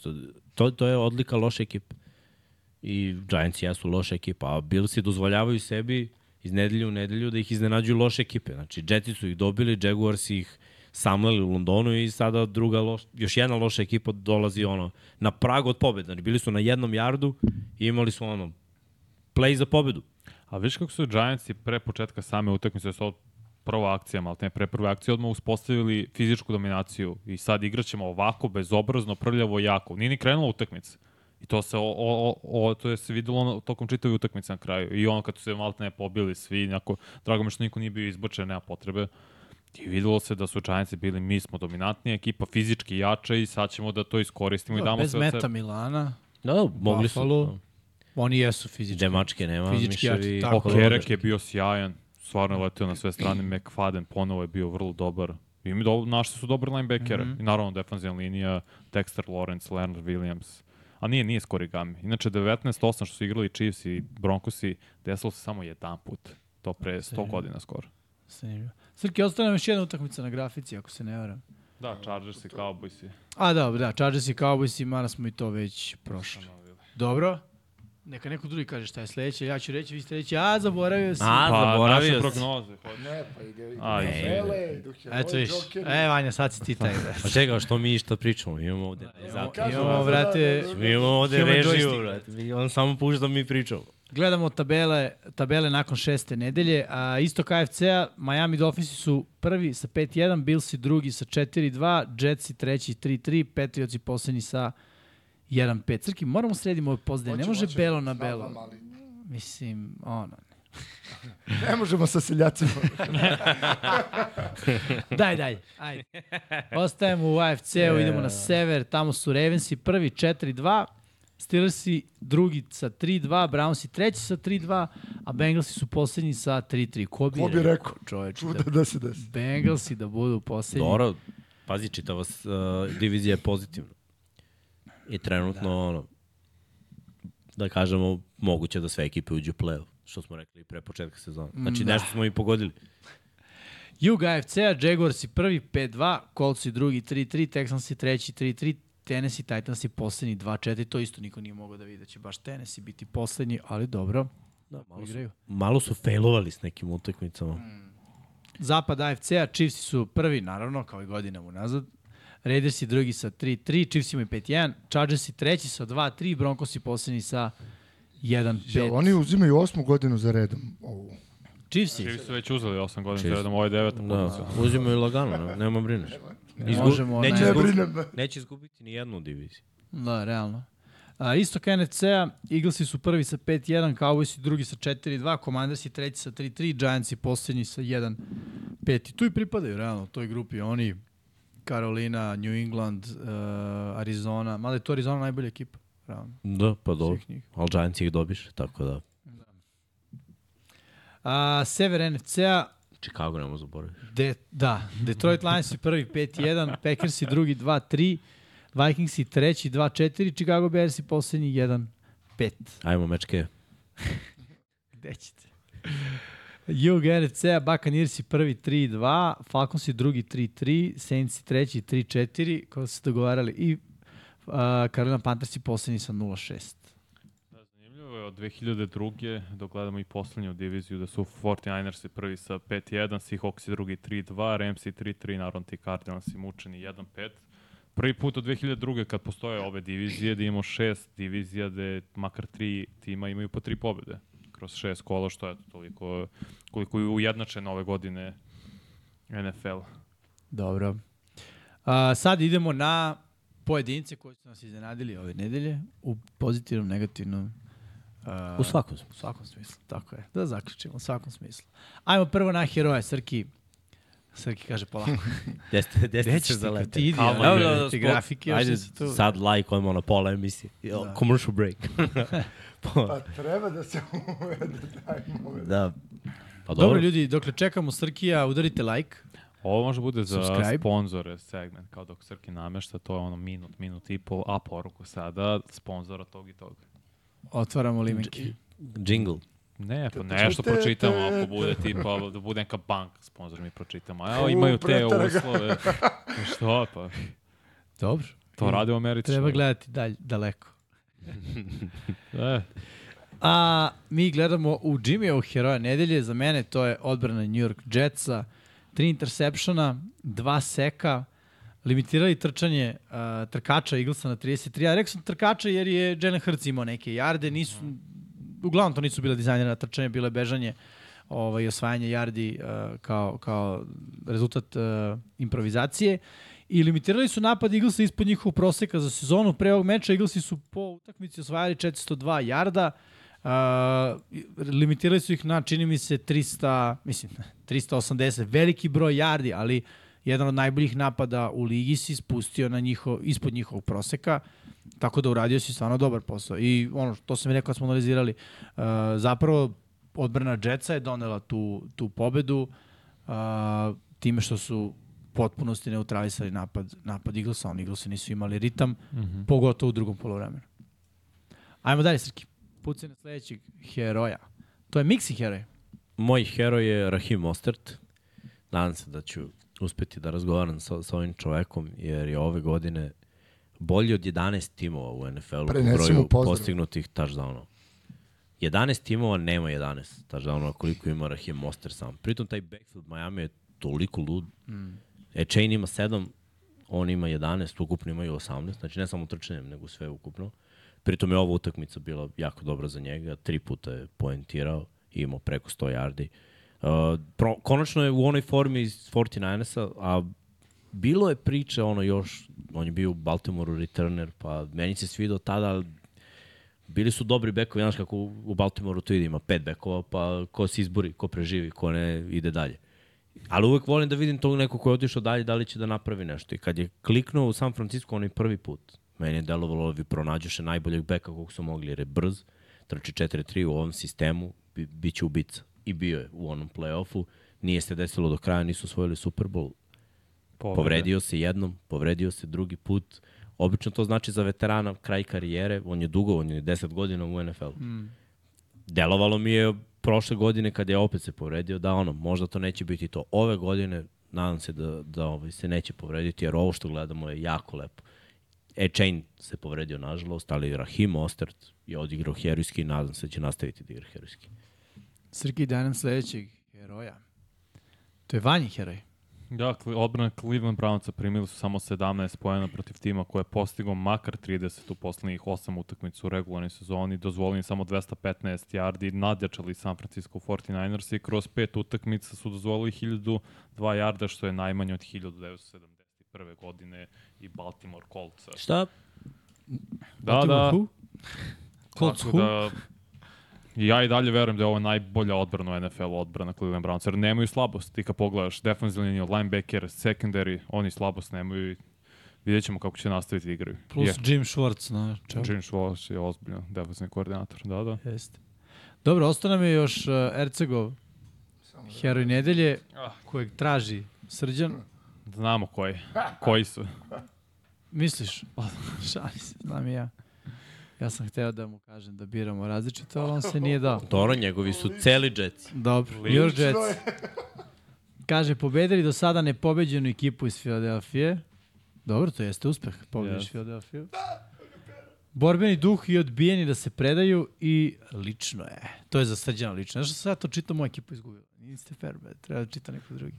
Upravo si. Vrati Srki, ja Dobro, ne mora, mislim, ne mora dva puta. Lično. Aj tu Dobro. A, hoćemo li da idemo sada na Džokere. Džokere? A, srđane. Polako. Jesi spreman da nam daš te Srki džokere? ima ovaj znak. Vi ne vidite, ali... Moj džoker nedelje je Kyrie Williams. 20 nošenja, 158 yardi i 1 touchdown. Ljudi, 20 nošenja za trkača Remsa, ono, to je jasan signal da Remsi imaju trkača broj 1, tu nema, nema priče više. I pravi je fit za LA Remse u smislu, uh, odlično se uklapa, nije svaki tip trkača za, za ono što rade Remsi. Uh, on se fantastično uklapa to. Mislim, videli smo i projekat sa Akersom i sa ostalim trkačima. Neko se pronađe par nedelja, ovaj momak stvarno igra dobro. Poentira, ima jarde, hvata iz backfielda, sve može. Sve može. Super. Baš tako. Ajmo dalje. Mixin Joker nedelje. Moj Joker je Jacoby Myers. Dobro je odigrao, mislim, s obzirom da je ove godine opcija broj 2 iz Adamsa, na ovoj utakmici je postigao touchdown manje više, često poentira, pronalazi se u ovom sistemu. Garoppolo nije igrao, mislim, s njim Garoppolo je greo klupu, pa je otišao u Cisco. Myers je imao pa da kažemo, više različitih quarterbackova, nije se nužno istakao kao, ok, bit će nešto. Možda mu znači ovo treniranje sa Davante Adamsom. Vidi se napredak individualno. Znači, bolje trči rute i veća je separacija. I na ovoj utakmici, ja mislim da je taj touchdown prelomio na kraju, koji je on imao. I osvetio se ekipi za koju je igrao, iako je prošle godine toj ekipi po, pomogao da izgube zato što je ovaj, dodao mm. loptu Chandleru Jonesu, ali eto, ove godine mu je opušteno i on Dobro, u svakom slučaju igra za Raiders i prošle da. godine i ove. Mo, mogu bi da bude taj neki X faktor. Ako oni nastave da igraju dobro, ako Jacobs proradi ofenzivna linija, odbrana nastave da bude, odbrana im je sada jako dobra, agresivna.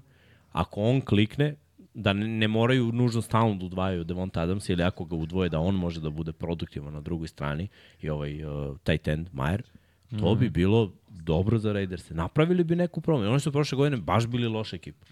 Ove godine, zahvaljujući možda on čoveku, mogu da budu nešto. Ali on je još uvek ono, neistražena voda. Nebrušeni dijamant. Pa to, zato je Joker. Dobro, Srki daj nam sledećeg Jokera, to je Vanjin Joker. Odbrana Washington Commandersa, tri osvojene lopte protiv Falconca, odlično su bili na trećem pokušaju, samo su zvali pet uspešnih iz 15 pokušaja napad u Atlanti, upogroz činjenicu da su Falcons imali 79 akcija, ofenzivnih akcija, bili su svedeni na svega 16 pojena, što je izuzetno impresivno, pogotovo kad znamo da su Commanders i odbrana koja je primala 30, jedno 4 ili 3-4 utakmice za redom. Da svedeš ovakav napad na samo 16 je za svaku pohvalu i to nisam vidio. Dobro. Daj nam Srki i Jokera od Samo ovaj potez. Srđana, Ercega, uz rukicu. koja kaže Hvala za pauza. poštovanje, ovo je divno. Da. Pa nekada se ti sečeš, nekada, vrate, ja ne, ne stignem da pročitam treću stavku svoju, jer si ti već Da, spremao sledeću, a sad si. Vanju pustio da stane, završi, dve sekunde kasnije si kao... A pa dobro, ja unapređujem Imaš svoj svoj rad. A, Da, moramo da, moramo da vidimo taj, ka, taj potez za šaku. malo. Jeste sad i da menja i da klikće. da piše ovde. Starkijev Joker nedelje je CD Lamb, najzad je odigrao 2023. u skladu sa očekivanjima i mogućnostima. Uhvatio sedam lopti za osvojenih 117 yardi i pokazao put quarterbacku i trenerima za dalje uspeh. Pa, dobro, Dobra utakmica za njega, mislim, već nedeljama unazad. Radi, radi dobro. posao. CD. Kad da hoće da baci, Mm. CD Dobro, igra ovo je dobro. tek bila druga utakmica preko 100 yardi. Imao je drugo kolo i sad ovo. Pa kad da hoće da baci. Znači, e, kada čujem, e, nije hvatao loptu, pa šta, komu daje loptu? Je targeta ima. Mislim, nije uvijek da ima mnogo targeta. Mislim, opet quarterback treba i da baci loptu precizno. Ma ne, ne, ne kažem generalno pričam. Da je to isto priča. CD, CD, znaš, svaki hvatač, nekad ih, kri, nekad ih kritikujemo, a do quarterback. Mislim, s druge strane, neka quarterback uradi sve, daje im bukvalno ono na tacnu. ono, Ti Higgins. I oni, oni ništa. Džaba ne mogu ništa da urade, tako da i, ima to, to je dvosmerna ulica. Srki, Jesmo spremni Daj za tragičare. Crno-belo. Moj tragičar nedelje je zamišljeni Ryan Tannehill. Stvarno se Ljudi, zamisli. osam kompletiranih od 16. On je probao samo 16. Pa ti si rekao, Gardner Minshew je probao 55, to je probao 16. Nije bilo lako. Ok, ali 8 od 16, 50%. Mislim- 76 yardi, trkači imaju više od toga. Pa da, ali, znaš, igrao protiv baš dobro odbrane. Jedan interception. Sve to stoji, ali ja čitam zašto je meni tragičan. I rekao sam, da, dobro ste pročitali, 8 od 16. Kad je ušao Willis, moram ti priznam, da sam bio sam u fazonu, brate, ovo nismo planirali za Tenehila, smo imali game plan. za Tenehila smo znali da će da bude rešen, ali ovaj mališak kad krene sada da vršlja levo i desno. Dobro, i Willis u sebi ima uh, par, par akcija, onda se pretvori u tamnu verziju Tenehila. Ali što se mene tiče Tenehill je ono, to je to. Treba da, treba da razmišlja o porodičnom životu nakon ove sezone. Već sada, ali aj neka stavi tačku Mu istekne ugovor, pa onda neko uzme Brate, sve te, pare. Tennessee, Tennessee Do mu je... ugovor? Te, ja ne znam da li imaš ovo sledeću godinu. Tennessee, Tennessee mu baš mnogo znači, uzeo je pare, Ne, ne, jeste. može da duži u životu. Jeste, slažem se. više dobija batine. mislim. Pre... Pik prve runde Dolphins i tu uzu lepe pare. Jeste. Prepili. Onih Jimmy ih 8 miliona ispunio, šta da? Šiš. Moji tragičari su kikiri, svi.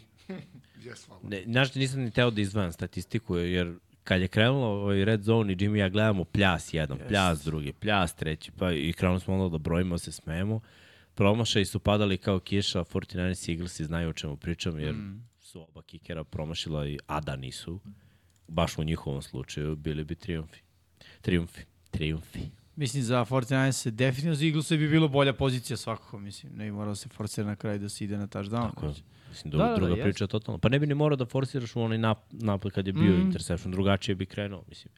Imao bi prednosti, ušao bi drugačije u taj meč. Mislim, evo zamisli samo 17-12, ono, pet je razlike. Da. Veruješ u svoju odbranu, da potrošiš vreme i da im šutneš loptu daleko na, na polovinu, oni moraju daju touchdown. Isto kad je touchdown i, i kad je field goal. Tačno. Tako da jedan field goal svašta može da, da znači. Mada i Saintsi su dosta s ovim par, sa grupijem ovim propatili. Mm. Blake grupe. A ko drugi? Chargers. Ponovo su izgubili na njihov prepoznatljiv način, mnogo promašenih obarnja, koštalo ih utakmice i ponovno, ne mogu da pročitati, ne vidim šta piše zapravo. Ofanzivna linija popušta Tako u je. posljednjem drajvu za pobedu kao protiv Majamija i To sam Tennessee. već ispomenuo, eto, desilo se i treći put. Jadni smo, to je definicija ovog kola. Tragično. Tragično je navijati za Chargers, stvarno. Koli je Srkiju tragičan? Sad ću se iznenati. Ajde, Zaboravio se. Ajde. puci srđane. A, A, Patriots. pa zar tako po divizijskom rivalu? Kaže, najgori start za Patriots od 95. godine, timski poraz, ne postoji usamljeni krivac, tri poraza za redom. Do, to je moglo je i gore. Ali su Jeste, dobili ali- Jetsi. Vrt, vrtoglavo se ide, vrtoglavo se ide. On zbog vrlo. toga, verovatno. da, lično Od je. svih su izgubili osim od nas. Lično je, to to. Dobro. Idemo na, Idemo na Novajlije nedelje. tako je, presented by Pepsi. Tako je, naš sponsor Pepsi vam donosi Ja ovu, imam ovde i kulu Pepsi. ovaj Pa. segment. Da, Miksa ima kulu Ćeš evo ti Pepsi. još jedan. Hm? Evo ti još jedan. Mislim da će Ne, kula ajde. biti nestabilna. u Nije Eiffel, nije probamo. Eiffel. Ajde, probamo. tri. trenutku. Ajde, tri, molim te. Ajde. Ajde. Mislim da može. Može lagano. Oj, kakav balans. Bez ikakvih Napad, problema. odbrana, specijalni tim. Eto. Ova se na vrhu malo nakrivila, to ne bude specijalni tim. Srki, dan Novajlije nedelje. Krećemo od vanjenog Novajlije nedelje. Michael Mayer ispomenjuje Miksa, pet hvatanja, 75 yardi, pruža novu dimenziju u napadu Las Vegas Raidersa, ono što je neophodno uh, Joshu McDanielsu kao treneru, imaš sad Adamsa, Ma, me, ovog Jacobija Myersa i sada Michaela Mayera takođe i to je super i za Jimmy G-eva kad se vrati posle povrede, nisam siguran koji mu je status za ovu nedelju, da li će igrati ili Mislim ne. da neće igrati. Ne znam da li je iz, izašlo zvanično obaveštenje, ali svakako kogod da je quarterback i Brian Hoyer, čak mnogo je lakše kada imaš više hvatačkih opcija i naravno Josha Jacobsa. I eto, pomaže. Draftovali su Majera sa ovim da bude ovakav igrač, da ima po 4-5 hvatanja po utakmici, da radi zapravo ovo što radi Sam Laporte u Detroitu. I to je moj Novajlija za ovu nedelju. Dok su i ostali zauzeti na telefonima. G out Sunday. Out, officially Da, out. da, juče. Eto, sad si ti na redu. Moj Novalja nedelje je Rashid Rice. Uh, delo da je dobio poverenje ekipe da bude legitimna hvatačka opcija. To delo je već neko vreme, ali Da, sad je da. čini mi se izvanično da je čak i Andy Reid to negde prokomentarisao. Imao je četiri hvatanja, četiri puta je bio met, znači uhvatio sve što se baci ka njemu. 72 jarda. Izvini, ja ovde čitam koliko te troluju ljudi, brate. I... I, Vanji nikad GOAT neće biti kriv. Goat. Ja sam rekao da je Herbert. Herbert. Ja sam A. prvi rekao da je Herbert loše igrao. Ne, stvarno ne sjećam toga. Da je treba da ponovi, vrati Tako se kadar. ne sjećaš ni svoje ove opklade. Da, Da, vra, vrati Ne, ovo je svežije, ovo je svežije. Vrati kadar odmah. Rašir Rajs radi korektan posao kao blok. da istakli mi svoj treći Kida, ovaj, brate, Rashid tačka. Rice. Baš si, to si pričao pre početka sezone. Da. Da. Tečko im baš je dobro hvatač i drago mi zbog njega. Da, I drago mi je zbog njega, slažem se, ali i zbog Chiefsa, jer Chiefsima uh, ono, ponestaju ideje ofenzivno ako Kelsey nije, nije ovaj, slobodan. Realno. Ali ako neko zna da pravi hvatače, to je Andy Reid i Chiefs stvarno postaju nova ne na nivou kao Steelers što rade, da bude zaista fabrika elitnih hvatača, ali prave vrlo dobre do skoro odličnih wide receivera, ali da, Herbert jeste odigrao katastrofa protiv Cowboysa, to sam i rekao, i imao je nekoliko dodavanja gde je mašio Keenan Allena, pogotovo on je nije bio fade, ne znam, ne mogu koja je bila ruta kad je bio sam, ali te ne imao livadu ispred sebe za end zonu, Bio prebacio ga je. Je li bio fade? prebacio ga, to bi bili šest lakih poena i igrao loše. Čim ne kompletiraš 15 dodavanja, to nije nikad dobro. Nisi dobar. Greh je ne pogoditi Keenan Allenova. Moj Novajlija, prvi touchdown u karijeri, Zay Flowers, vidite ga u Londonu kako Čovječe, je. ja sam mislio da je ovo Lamar, u prvi mah. A, moj se. Baby Lamar. U izostanku pravih hvatača postao uzdanica Jacksona. Izostanku pravih hvatača. Pa nije da se, replacement. nije se ni on proslavio, ima ispuštenih lopti, Da. ali o, ona promjena pravca na kraju je bila super. I, mislim, pazi, ima najviše yardi hvatanjem trenutno u To ti je Baltimoru. hvatač broj 1, brate. To je hvatač broj 1. Sad da se, dalje, što Vanja kaže, top 50 u NFL. Znaš, ima potencijal. Neke stvari radi dobro, neke stvari radi baš loše, ali ruki je i možeš da se nadaš da će neke stvari da popravi. Ali prvi touchdown u karijeri i jedini touchdown u utakmici u ovoj Ravensa zaslužio bar da bude Novajlija nedelje. Mislim, ne mogu baš da kažem da su me Novajlije ove nedelje mnogo oduševili i posljednji sam popunjavao, pa sam nisam mogu da uzmem ove vaše. Dobro. I Srkiv Novalja nedelje CJ Stroud. Kaže, uprkos prvom presečenom dodavanju predvodio tim do pobede.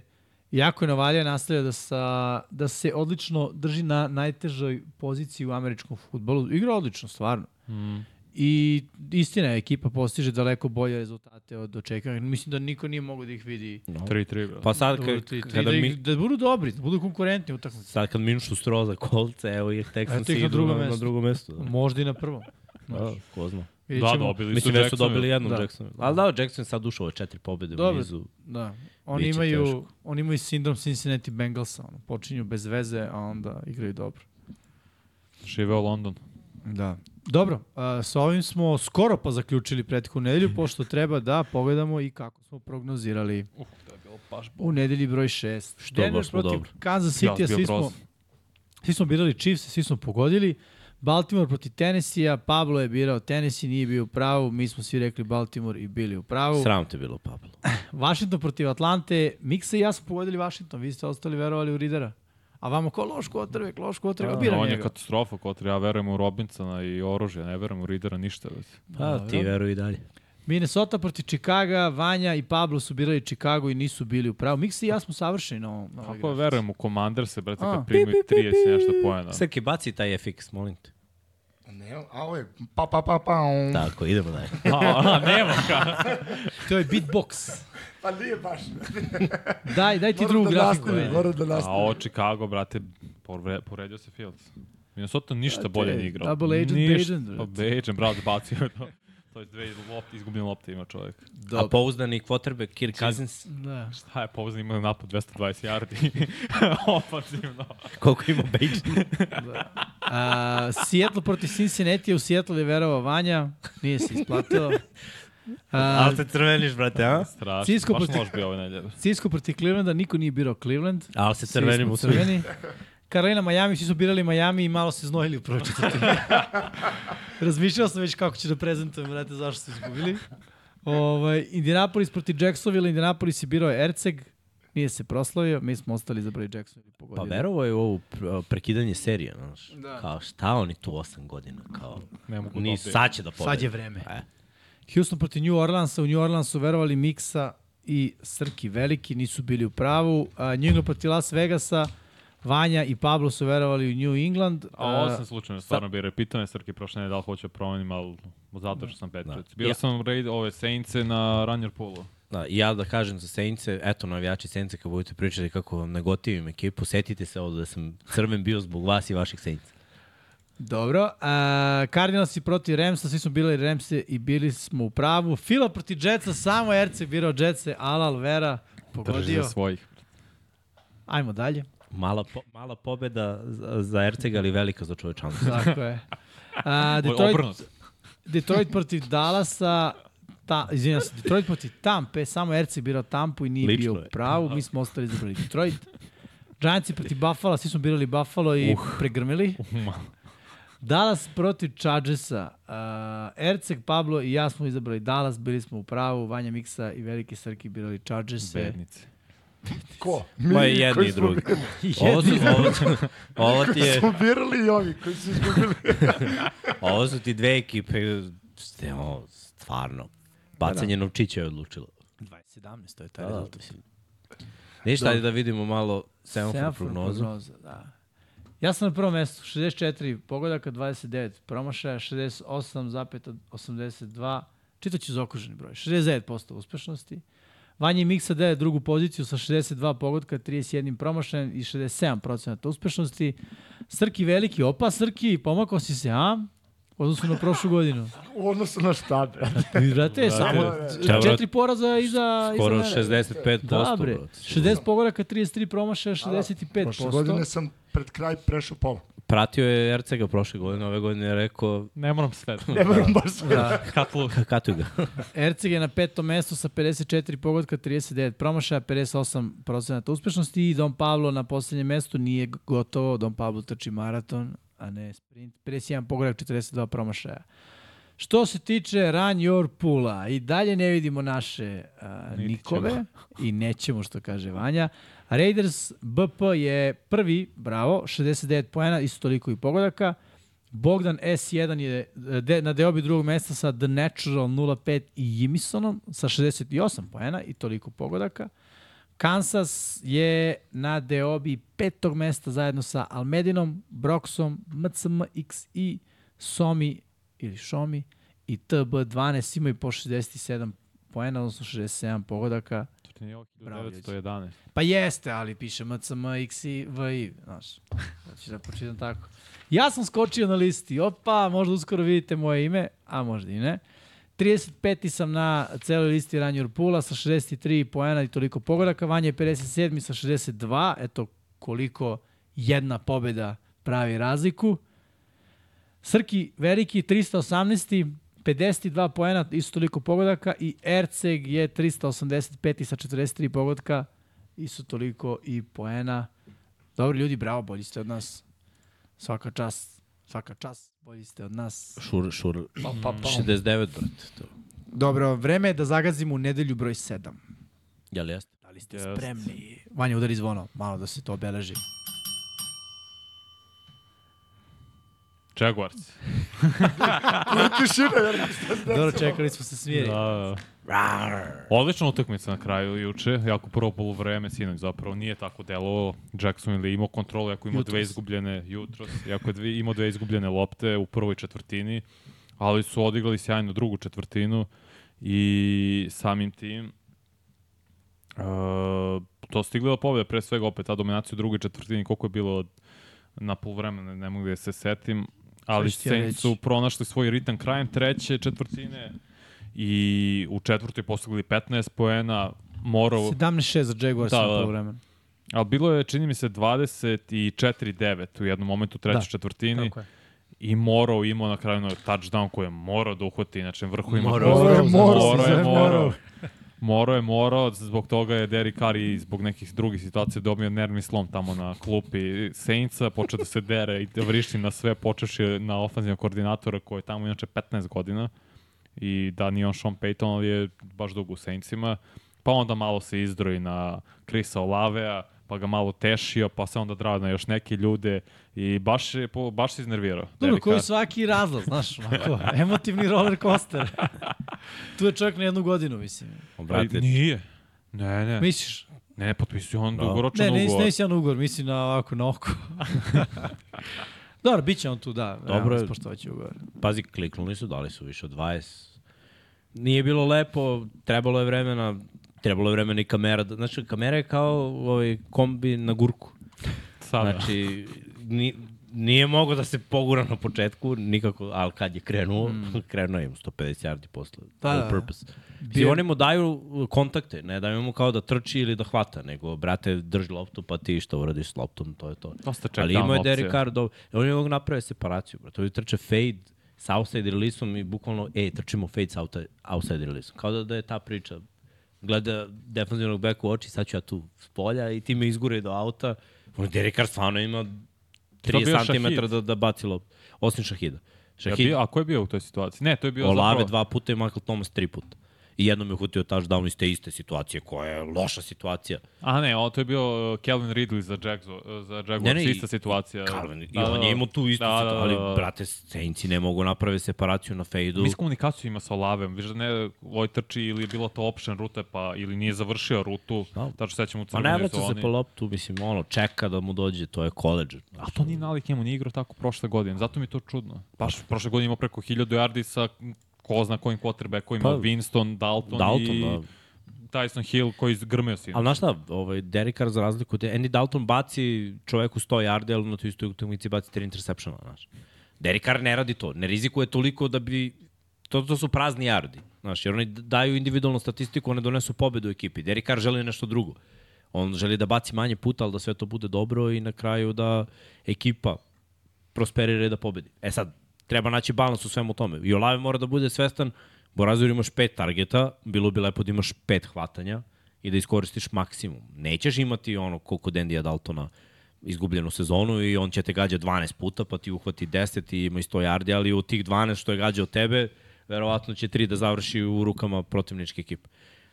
Nije bilo toliko loše, ali Jaguarsi su defanzivno pre svega bili bolji. I imali su eksplozivnije akcije kad Big je bilo potrebno. Mm.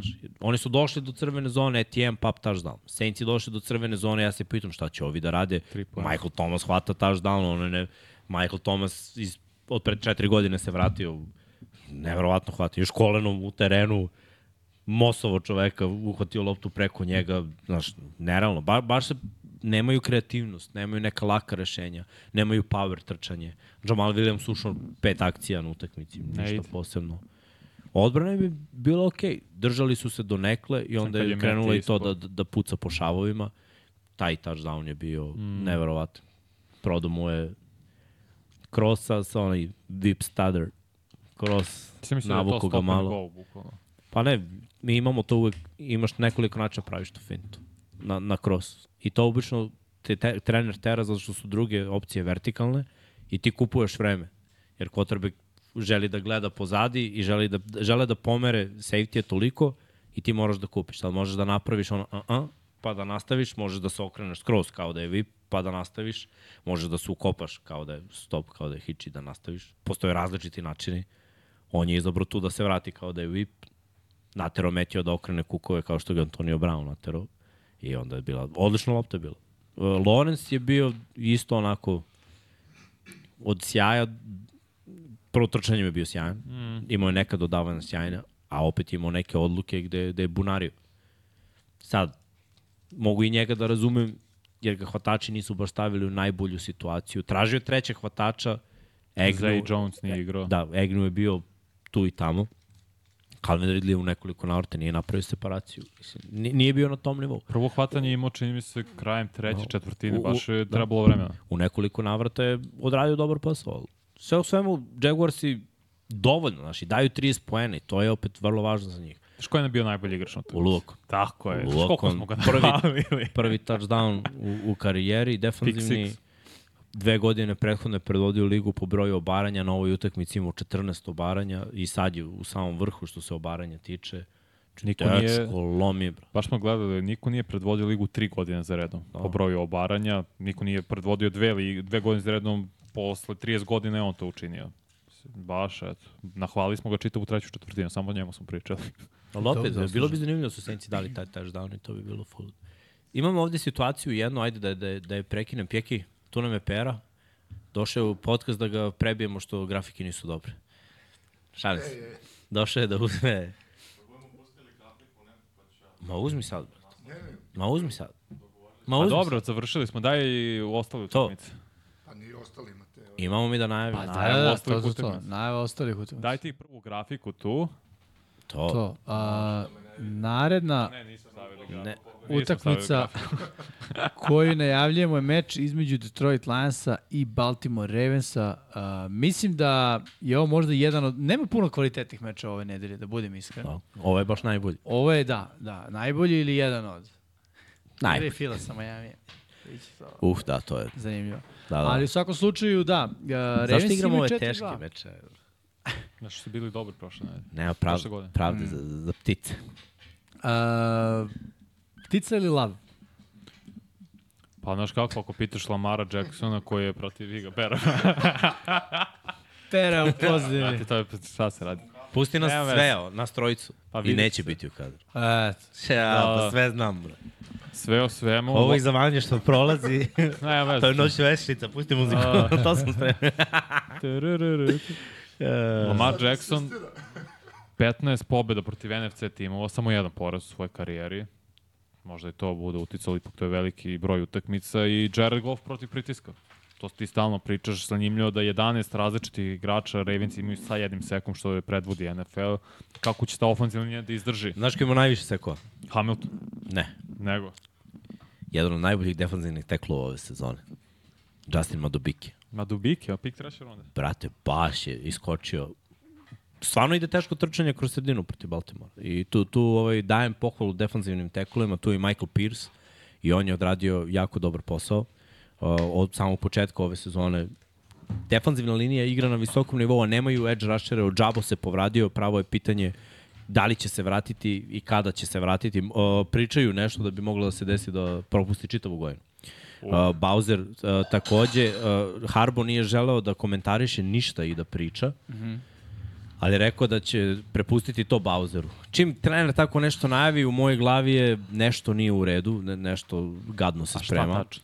Pa on je već pokidao, ne mogu se da li Ahilova ili ACL, Ko?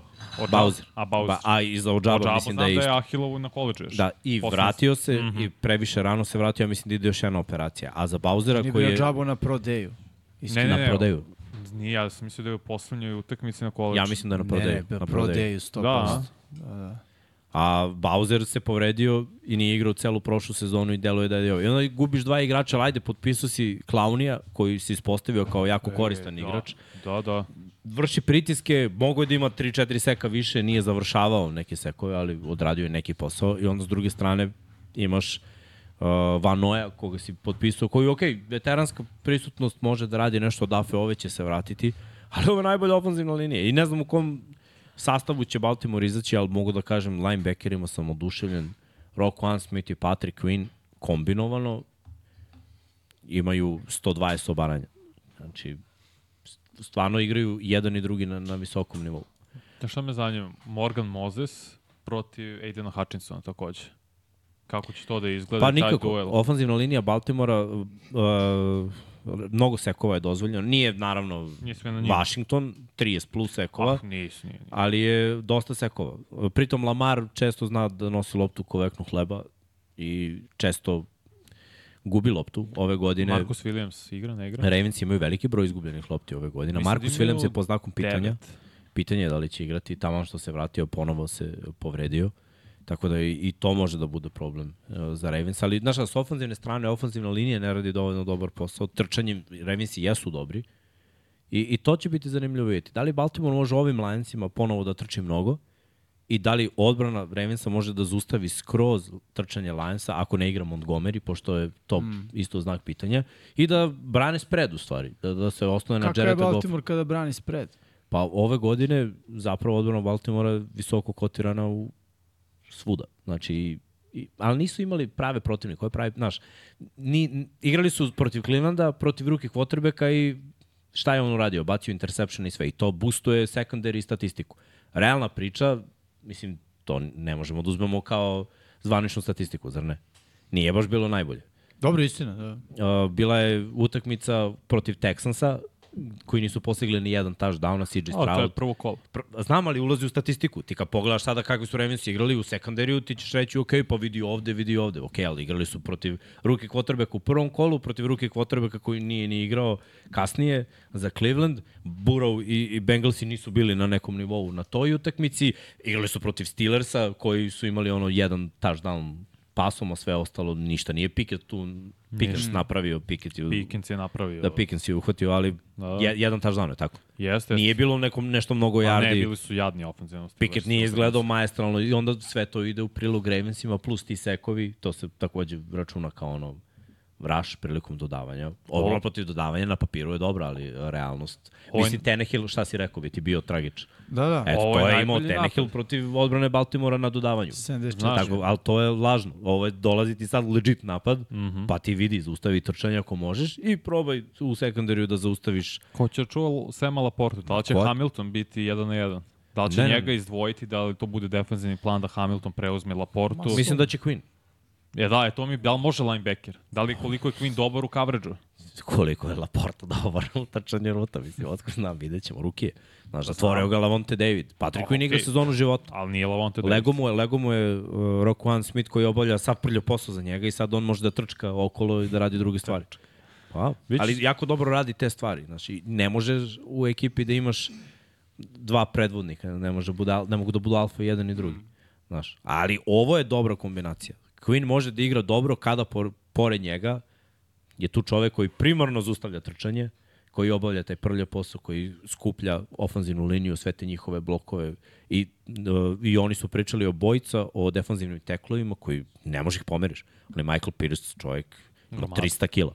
Kad sam video koliki je, nije, nije, nije realno. I Madubike igra jako dobro. I često znaju da ih, Madubike često ode i na enda, pa onda imaju i stantove. Uh, zamisli McDonalda su jako dobre. Mislim, nije za džabe on bio na, na Michiganu ocenjen kao jedan od boljih defanzivnih koordinatora. Kreativno šalje i safety-je i linebackere u bliz. To je nešto što može da poremeti i ofanzivnu liniju i timing Jareda Goffa i u stvari je cela priča ovde Goffa dovesti u situaciju da bude loš. Uh, ofanzivna linija Ravensa s druge strane će imati isti problem jer Lamar ako se oseti neugodno, on će krenuti da trče, ako trčanje ne ide, izgubljene lopte, Ravens ima mnogo izgubljenih lopti ove godine. Rekao sam ti 8 ili 9, plus Brian Branch je rekao da će igrati.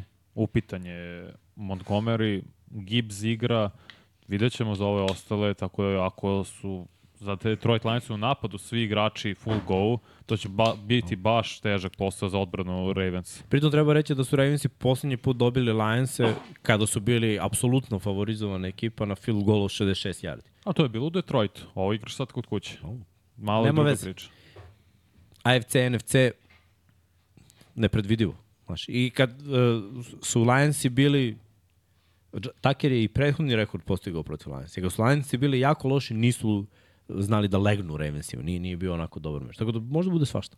Ja, ja očekujem iskreno da će Detroit ipak, pošto imaju bolji balans ofanzivno i defanzivno, naći način da, da reši Baltimore ako Baltimore ne igra savršenu utakmicu. A u poslednje uh, dve ne igraju savršeno u crvenoj zoni mnogo field golova, malo touchdownova. To je problem.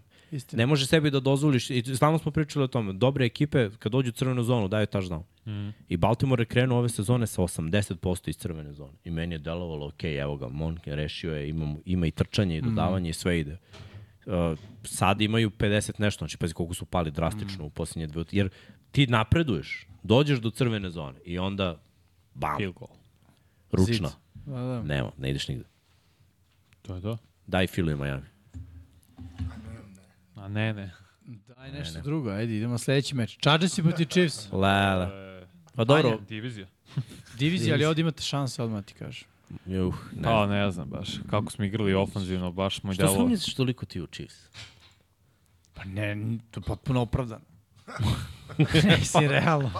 Pogledaj kako igraju, čoveč. Što imaju 5-1? Imaju pet pobjeda u niz. Znam. Trenutno imaju pobjeda. najbolji aktivni niz. Koji im je najbolji meč da pamtiš od ove godine? Ove godine? Kad su sveli Jackson i Jaguars na 9 pojena i upropastili. Silni napad Jackson Jaguars. Pa dobro, sad je sila. Pa, Tri legitimne hvatačke opcije imaju. vidi. Kansas City Chiefs imaju probleme i neće doći u Super Bowl. Chiefs si, sam. Chiefs si igraju, brate. Chiefs će izgubiti od Chargersa. Ja se nadam. Ja se zaista nadam. Jesi odigrao na Chargers? Nisam odigrao, Pa, ali sam vidi. Nisi Ne, ne, ne, ne, ja sam ih izabrao, ako na to misliš. To to. A bi ja pravim, moraš da se bolje izražaš. Da, da, dalje. U ovom društvu. izabrao. Sad radiš ti savjet. Zanima me ko- kakav će pritisak Chiefsa biti, te defanzivne linije. Mislim, ne znam da li su na kraju potpisali Franka Clarka, bilo je priča o tome, nisam siguran da se to desilo, ali vidjet ćemo svakako, jer je tu glavna stvar. Defanzivna linija protiv ofenzivne linija Chargersa. U poslednjih, šest, u poslednjih pet od šest utakmica uh, ovaj duel je bio rešen na šest pojena ili manje. Tako da uvek igraju blizu, neizvesne utakmice. Prošle godine Pick Six je odlučio pobednik u prvoj utakmici, u drugoj povreda Dervina Jamesa, onda je poludeo u četvrtoj četvrtini Travis Kelce, jer ovaj nije bio na terenu, pa su zbog toga u produžetku pobedili Chiefs, iako su gubili većinu Ali utakmica. prošle godine ste imali Mike Williams. Mislim, da. A ove godine nemate Mike Williams. Tako je, Prošle godine je Ekeler bio u vrhuncu forme, ove godine je krenuo dobro i povredio se i sad nema ni Evo Ekeler. Uh, ajde da pričamo o potezima Chiefs. Vratili su mi Kola Hardmana Tako je. i Franka Clarka, upravo si. Šta to govori? I ja su i, ga, i, vrat, i njega Jesu. su zvanično vratili. Jesu. Šta to govori? Da škripi, brate. Da duva promaja, brate. To Jer je- da ne duva promaja, ne bi vraćao bivše devojke u, u život. Mislim, realno, brate. Duva promaja, brate. Duva ozbiljna promaja. Ko je hvatačka opcija posle Kelsija? Rashir Ice, ok. Rice. Deluje Ne, respektabilno. ne, ofenzivno Skymo. imaju, imaju, Imaju ovaj- probleme, realno. Ali trče ono što Pa, Chargersima ne odgovara i što, Ono što malo bolje da rade, što nisu radili njihovo prošle godine. trčanje je- nije opasno. Realno nije opasno. Njihovo trčanje potpunjuje pas. To je Dobro, definicija njihovog trčanja. Znači, Znači, to ti je ono kao da staviš faktor 15 i izađeš na sunce. na primjer, na put Opasno je, ali 40. Nije opasno. Tako je, zaštitio si se. Da. Ali koliko? Pa 15 minuta, mislim, razumeš? A, a bit ćeš dva sata i ono. Nećeš izgoreti kao da nisi namazao. Da. A ćeš izgoreti. Tako i oni. Da, ali njima ne treba elitni hvatači kad napad Chargersa je jedan od najgorih protiv dodavanja. Vanja, A Mahomes je pobedit to isto. Ono, Dobro, ja sam kažem, da relax. Ne verujem ja u to. Dobro, ja sam birao da što ih volim, ali ne verujem, ja baš sumnjam u to. dobro. Si Mahomes i Herbert su jednih od najboljih quarterbackova što se tiče, to jest protiv pritiska. Obojice su top 5 po QBR-u i tako tim statistikama. Mahomes ne gubi, ne gubi kad je pritisak tu. Tako je, Mahomes ne, nije gubi. izgubio da- prošle godine u ovoj diviziji, da? tako je 6-0. Neće ni ovo. Biće na 5-1 ove godine. Ne. Ja Šoker. se nadam da ćemo pobediti. Možda u posljednjem kolu, znaš, kada budu čisti već bili prvi seed i kada ne treba Ma, ništa u AFC. Sumnjam. Sumnjam, sumnjam. Ne, ne verujem ja, znaš, neće Chiefs imati jednu pobedu, po jedan poraz do kraja. Mislim, znaš, mora izgubi još negde. Ko će ih dobiti u diviziji? Pa Chargers se. Pa ajde, će vidimo. Iz tvojih usta u Boži uši. Dobit će ih i Raidersi drugi put. Raiders je da ih dobiju. Ma kako? Pa deco, pobogu deco ste vi normalni. Ima da tresu Raiders. Raidersi nemaju tim. A Max Crosby, čelična cevanica. Pouzdani. Ko je pouzdan tamo? Devonte Adams. Pa više sad kad je prepolovio Peppers. Komu baca? A, ne, zaista, mislim da Chargersi mogu da pobede ovaj meč iz više razloga. Prvo, a, mislim, iz perspektive Chiefsa, kao što su izgubili Eaglesi i 49ersi, moraš da malo klecneš u nekom trenutku. Drugo, ofenzivni ritam je zaista diskutabilan što se tiče Chiefsa. Prošle nedelje su postigli koliko? 19. 19 pojena. A imali su glupe greške i Mahomes opet, to je zapravo Doći će ključna opet te stvar. glupe greške. Da li će ih biti na ovoj utakmici, jer Naravno. Mahomes protiv boljih timova, a ako i dalje smatramo Chargers boljim timom, donekle, ne pravi te greške, ne pravi takve stvari, jer je svestan Dobro. da napad Chargersa može to da kazni. Napad Jetsa, Broncosa i tako dalje nije mogao. Evo da ti kažemo, Slušam, uh, pobedili su Vikings 27-20, Chiefs. znam. Chiefs, pa da i mi smo ih dobili. 27-20, Vikings. Uh, gledamo dalje Chiefs. Chicago su otšrafili kod kuće. Wow, super. Mogu staviti to u CV. Chicago, nemoj da se zezamo, znači kakav je Dobili Chicago. su Denver 19-8, dobili su Jets je 23-20. 20, 23? Ma mogli su 23-20, postignu upravo ti touchdown u poslednjem drive-u da bude 30. Igrali su se. Da. Pustili su ih, aj, nek Moglo da bude bude tri razlike. 30, da se razumemo. Mahomes je izašao van terena na 2 yarda, mogao postigne touchdown. Dobili su Jackson Jaguars sa 17 prema 9, to znam, izgubili su od Detroita na pick 6, što je vratio Malo Jamir poena Gibbs. postižu. To nisu, to znači da Chiefsi nemaju ofenzivni Limitirani su u napadu, ja se slažem, samo je Ali- moja odbrana još neupouzdanija od njihovog napada. dodavanja. Dobro. Ovi Chargers su Biće dali meč. 17 na posljednju utakmicu. Kad je ovo? Je li ovo Sad je Sunday night? 22, Nećemo 20, kasnije. 22, 25. Sjajan. Taman imamo Drugi što da termin. pratimo miksa. Da, da, bit će zanimljivo. Ja to radim. Inače, ove nedelje smo na, na areni 6 tija. Uuu, downgrade. Da. Nismo bili dobri prošle nedelje. Tako će ispada, Vratili smo tako se na, na šesticu. Dobro, imali ste Arena 5, pa 2, Ne, Pa pa jedan. 1. Da, da, da. Da. 5-2-1. U stvari šetom. Hoćemo da popunimo, da bude po jednom svaki. Sve gleda. Da sve popularizujete. Suđen je već otišao na sledeći meč. Da. Pa tražili Pa ste, ne, pa ne, ne znam šta da, pri, da, da, da ulazimo. Ja stvarno mislim da, da će Chiefs je dobio i da, bu, da će biti lako i da će biti ono, Harrison touchdown na razlike. stavljen. Lagano. Koliko je ta žana? Touchdown razlike, lagano. Ja, Da, jedan posto. ja jedino što vidim je Herbert, molim te, spasi nas. Svaki put kada je scenario Herbert, spasi nas. Nekad To se uspe, ne desi. nekad ne. Odbrana ništa ne radi. Stvarno igraju loše. Čitave sezone ih svi buše. Dobit će Chargers. Da, da. ja se nadam. Mislim, on javlja mi se. Šta ti, Da. so, šta ti se ovdje? Treba im, šta to je ti nešto, ovdje? Ja, Ovo treba. dobijaju gosti. Nažalost. Dolphins, Pa da, dobijaju Dolphins. Eaglesi gube dve za. Ja ne znam Dolphinsi- ni kog sam izabrao. ja sam izabrao Miami Dolphinsi, prvi šest utakmica, 15 touchdownova, dodavanjem, 15 trčanjem, prvi tim od kolca iz 58. da to radi, ofanzivno nemaju mane. Ofanzivno jedino ono što su radili Billsi, možda i mislim da to To Eaglesi... Eaglesi ne mogu da urade. Nemoj, ta, Donekle. nemoj linebackera. Ne, ne, znam, znam, jasno mi je to, ali mislim da defanzivna linija, ne znam koja je situacija sa Carterom, da li igra ili ne Jalen Carter, Novajlija koji igra baš dominantno ove godine. U teoriji bi mogli to uradi izbace tu iz svog ritma, jer je to zapravo recept. Jer on je quarterback koji igra na ritam. Ako je on, aha, prvi ritm mu je tu, on, ja ću tu dodati na slepo, maltene, jer, znam da će taj Rick Hill, Jalen Waddle da se otvore. Mostert, sjajno, dizajn akcije ne igra i chain, to je mali minus, ali ako defanzivna linija Eaglesa ume da vrši dovoljno, dovoljno dobar pritisak konstantno, može da izbaci iz ritma napadi uh, Majamija. Sad je pitanje, naravno, to pričamo od početka sezone. Da. Rupa su na poziciji linebackera, Eagles i generalno ta sredina terena, defanzivno je veliki problem. I opet Bradbury i Slay su spori ko- cornerbackovi sad. Igrači koji nisu trenirali za Eaglese. Lane Mhm. Johnson, Devonta Smith, Reed Blankenship i Bradley Robbie. Jalen Carter je trenirao. Super, to je odlična stvar za Eagles. Jeste. To je odlična je stvar. ograničen. On, Darius Slay, Dallas Goddard i Milton Williams. A, ne, ne znam, ja mislim da Fila će vidjeti na toj utakmici nešto što nisu videli. A to su ti motion i, i pazi, Chiefsi su ih u Super Bowlu prošle godine pocepali na motion. A Dolphins igraju najviše, imaju najviše motiona. Svaki play ima motion. Mm. Tako da ja mislim, vidim da Fila to neće moći da reši, pre svega. Da neće znati gde, gde, gde, gde sipaju ovi. A ofenzivno će opet da, ono, nije odbrana Miami elitna, to je tačno, i biće, ne mogu samo da isprate ritam postizanja pojena Miami Dolphins. To je ono što ja mislim. Prosto ono, ofenzivno, znaš, naići će na, na neku, mislim da će biti veliki broj pojena, ali da će na kraju Eagles izgubiti od Miami-a, ono, 7 plus razlike. Izgubljena lopta. Pa na, ne znam. Ono. Ume to, a baci i pick six protiv Giantsa i... Kad je pod pritiskom, znaš, što baca Pa napad kad nema je pod tog pritiskom. pritiska ove sezone od strane. Pa zato Pa nema, ali sad je Ovaj na domaćem terenu. Ko zna? Dobro, mislim, okej, istina, u Fili je teško igrati, ali na, to, je, to je neko moje mišljenje. Šta znam. Veliki Doviđenja kolega. Doviđenja. Doviđenja. I koleginice, doviđenja. Vidi ka- kako je sve lepo spako. U Cegers. Klopio pre toga. Svaka čast, svaka Dobro. čast, svaka čast. Četiri Osmane. godine Ali faksa. imamo još nešto da dodamo za Filu iz Miami? Miksa? Pa, ne znam, znaš. Ne, Da će mi, Eagles i ofenzivno imati bolji ritam i bolje rešenje u crvenoj zoni? To me zanima. To želim da Pa vidim. ovi igraju loše u odbrani, tako Pa, da... da, da, veze, samo za ovu utakmicu. Pa imaće zašto su ovi loši u odbrani. Zato što nisu na tom nivou, to je problem. Za, za Miami cele godine, prvo, brate, Karolina je delovala dobro u prvoj četvrtini u crvenoj zoni protiv Miami. Da. Ne brane oni to na tom nivou, niti imaju interes. Imaju interes u, očigledno da, da sipaju 40 po utakmici.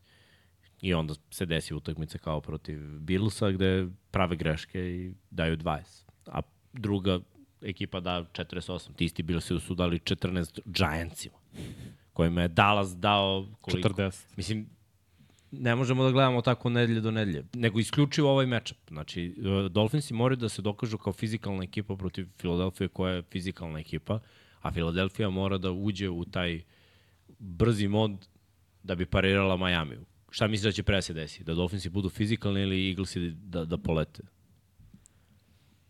Neće da ofisi biti fizikalni, to je tačno, ali... A neće ni Fila da leti. Mm. Je vidiš ti trčanja Fila da, da, da budu i, i dodavanje i sve da bude lepo Pa ja show. mislim da će više forsirati trčanje na ovom meču nego na prošlom, Znači, jer Bukvalno je pitanje šta je bolje, biti brz ili biti jak. E, to je utakmica. Ko će pobediti brži ili jači? Ajde da vidimo. Mislim, da. zanimljivo je. Ja, jako zanimljiv mečep, jer nisu iste ekipe. Slažem Na drugi način će jedni i drugi probati neke stvari da rade. Kako kažu, slow feet don't eat, jel to? Slow too, fast true. Du, du, du, du, du, brate. To je coaching point za running backove danas. Slow to, fast, Fast through. through. Polako do linije, scrimmage a onda baci u petu. Mislim, nije si- imalo nikakve veze sa što vi pročitali, ali sam ostio moment kada bacamo te neke krilatice, kao, znaš. Ako nisi Miami, gde je samo fast, nema slow. On samo brzo, samo Mora, lepo. mora, moraš kad čitaš ofenzivno da imaš slow to, fast through. Da. Za Mosterta je ovo, ovaj ispit mora da izdrži celu utakmicu, nema chaina. Za Hila je ovo ispit da vidimo šta je s tom ložom. Pošto ovaj n- 50% igra nakon što je istekao lož. Mislim, nije mu ni trebalo. Ali taj salto, oči, svaki put kad uradi salto, nategne ložu. Posle toga malo prođe masažica, ono bude u redu, ali nije, nije bilo 100%. Vadl se izgubi obično na velikim utakmicama. Igra dobro, Ajde poslednji da ga vidim. I igra protiv loših protivnika. Daj da ga vidim. Alabama duel, Hurts i Tua. Da, inače poslao sam vam onu sliku za Alabamu 2017. To je strašno. Sulud, sulud Kad smo već talent. spomenuli, Pa da ima, Pročitaj. Šibnije je na sleku. jeste na sliku je. Aj, probaj da okačiš. možemo to da okačimo, a? Šta Pa, je je? li to tweet bio? Da, bio je post. Jeste. Možda nađeš link kad on tweetu Šta nam mogu? brate? Šta je. Sport centar. Šta nam Ja, može, šta nam može, sme? Može, slobodno staviš. Da, da, da. Ajde, Srki, e, možeš ti to ili ćeš kasnije? Mogu sad nego pričati, ali moram da vas ovam. Pa nemamo šta, stavi drugu dva, tekmu. tri, četiri. Stavi drugu neku tekmu da mi Da, pričamo stavi protiv ostalo drugo i pa onda nas vrati kada Ima bude. Ima, ima. Falcons Buccaneers. A? Pirati, pirati uvijek imaju neku pticu na ramenu. Pa što ne bi to bio sok? Što ne bi to bio sok? Sad mi vjerojatno iščupao u... Ali da se ne Mislim, vidi, kaže zanimljiv oko matchup. Sokolov, on bi bio najbolji izviđač gore, na Jarbolu. Da. Pa taj lik što je na Jarbolu glavno ime su neko malo papagaja. pa ga ne gleda. Pa pa ga i vidi. Papagaja briga. O, šta dolazi? On vidi da dolazi problem samo kaže ćao ljudi ovde. A, zanimljiv matchup zato što imamo jedan onako potencijalan napad koji kao može, ali veliki znak pitanja na quarterbacku. Ako Tampa nešto zna, ume da zaista unese ono uh, sumnju u odluke koje donose quarterbackovi, pogotovo ovi Mladi. osrednji, a ili čak i loši. Gde spada Desmond Reader. Tako da, uh, matchup, napad Atlante protiv odbrane uh, Tampa Bay-a ide na stranu Tampe, definitivno. E sad, sa druge strane lopte, talent u odbrani Falconsa zaista postoji. Baker Mayfield, već smo rekli, ono, limitiran je, zna da forsira ka Evansu po cenu svega i svačega. I opet imamo i tu ono matchup gde ne, ne trče Buccaneersi, mislim, ono, ne mogu da uspostave igru po zemlji. A i da žele to da urade, bit će im teško. Realno, Fro- front 7 i generalno odbrana Atlante je stvarno dobra odbrana, mislim. Jeste, i agresivno. Evo, Calais Campbell došao do 100. Mm -hmm. seka u svojoj karijeri, 63. igrač u istoriji NFL-a, to, to je svako za pohvalu. Da. Ali odličan pas pro radi ofenzivna linija uh, Tampa. Tampe. Dovoljno vremena ima Baker, diferencijal u izgubljenim loptama je plus 6 što se tiče uh, ovih uh, Buccaneersa, što je treća najbolja liga. Znači ne gube puno lopte, oduzimaju. Prvi put se desilo da njihov napad uh, nije uspio da postigne ofenzivni touchdown i da odbrana nije imala osvojenu loptu prošle nedelje protiv Detroita. Ne verujem da će to biti slučaj protiv Atlante, jer Atlanta je toplo hladno. Ako Reader odigra i ove korektno, ofanzivno oružje se pojave, Arthur Smith ne preteruje i ne izmišlja toplu vodu i pokušava sve nekako da uključi u igru, onda Atlanta ima svoju šansu. Da, ali to je lako izgovoriti, teško je zaista napraviti takav plan. Jer, znaš, ne možeš da praviš plan sa idejom da igrači budu srećni. Tvoj plan je da se pobedi utakmica. Pa, ali on to radi. On, ja, ja sam ubeđen, ne da bi igrači bili srećni, nego on radi to da pokaže ja sam najpametniji od svih i sad ću Ne sve verujem, ja. koristiti. Zašto? Gde je Cordell Patterson, znaš? Koristio bi Ne. njega, nema ga. Nego prosto... Isfrustriran zbog kvotera. I to je tačno. On ga bira. Pa, mislim, jeste, biro ga. Pa je. nije imao boljeg. Pa nije morao ga bira. To je kao, kao da odeš na žurku gde su krš ribu i sad nećeš da izabereš nijednu. Da, naravno. Nećeš. be. Dobro, a, da, ah. Nećeš. Sad vam je To sve je jasno. tvoja ortak. be. A? To je tvoj ortak. Dobro, aj se mi vratio na Falcons i Buccaneers. Ne, si ja slažem, ja ne bi birao Ridera u trećoj rundi. Dobro, ajde samo pre nego što ubacimo još koju reč, ili možemo da završimo uh. Falcons i Buccaneers, ne znam li još nešto dodamo. Heineke ulazi. Misliš, Heineke ulazi? Spasi sezonu. Došao je trenutak. A ja mislim da će game plan biti drugačiji, da će rasteretiti Ridera. Da No. on prosto veruje u tog Ridera. Jel vidi, imalo je smisla da počne sezon sa Heineke? Rider će dobije batine i napravit će neku grešku i ovaj će da popizdi. Perkipeć. Okrenut će kao- se iza i vidjet će Heineke. I će, coach, I'm ready. Kaže, ajde, You ready, ready? ajde, upade. Da. Bukvalno bit će to. Dobro, okej, ali svako mislim da će biti zanimljiv meč za, za praćenje. Da, a ovo je to što sam uh, pričao. Uf, ako možete ovo da vidite. Pročitaj.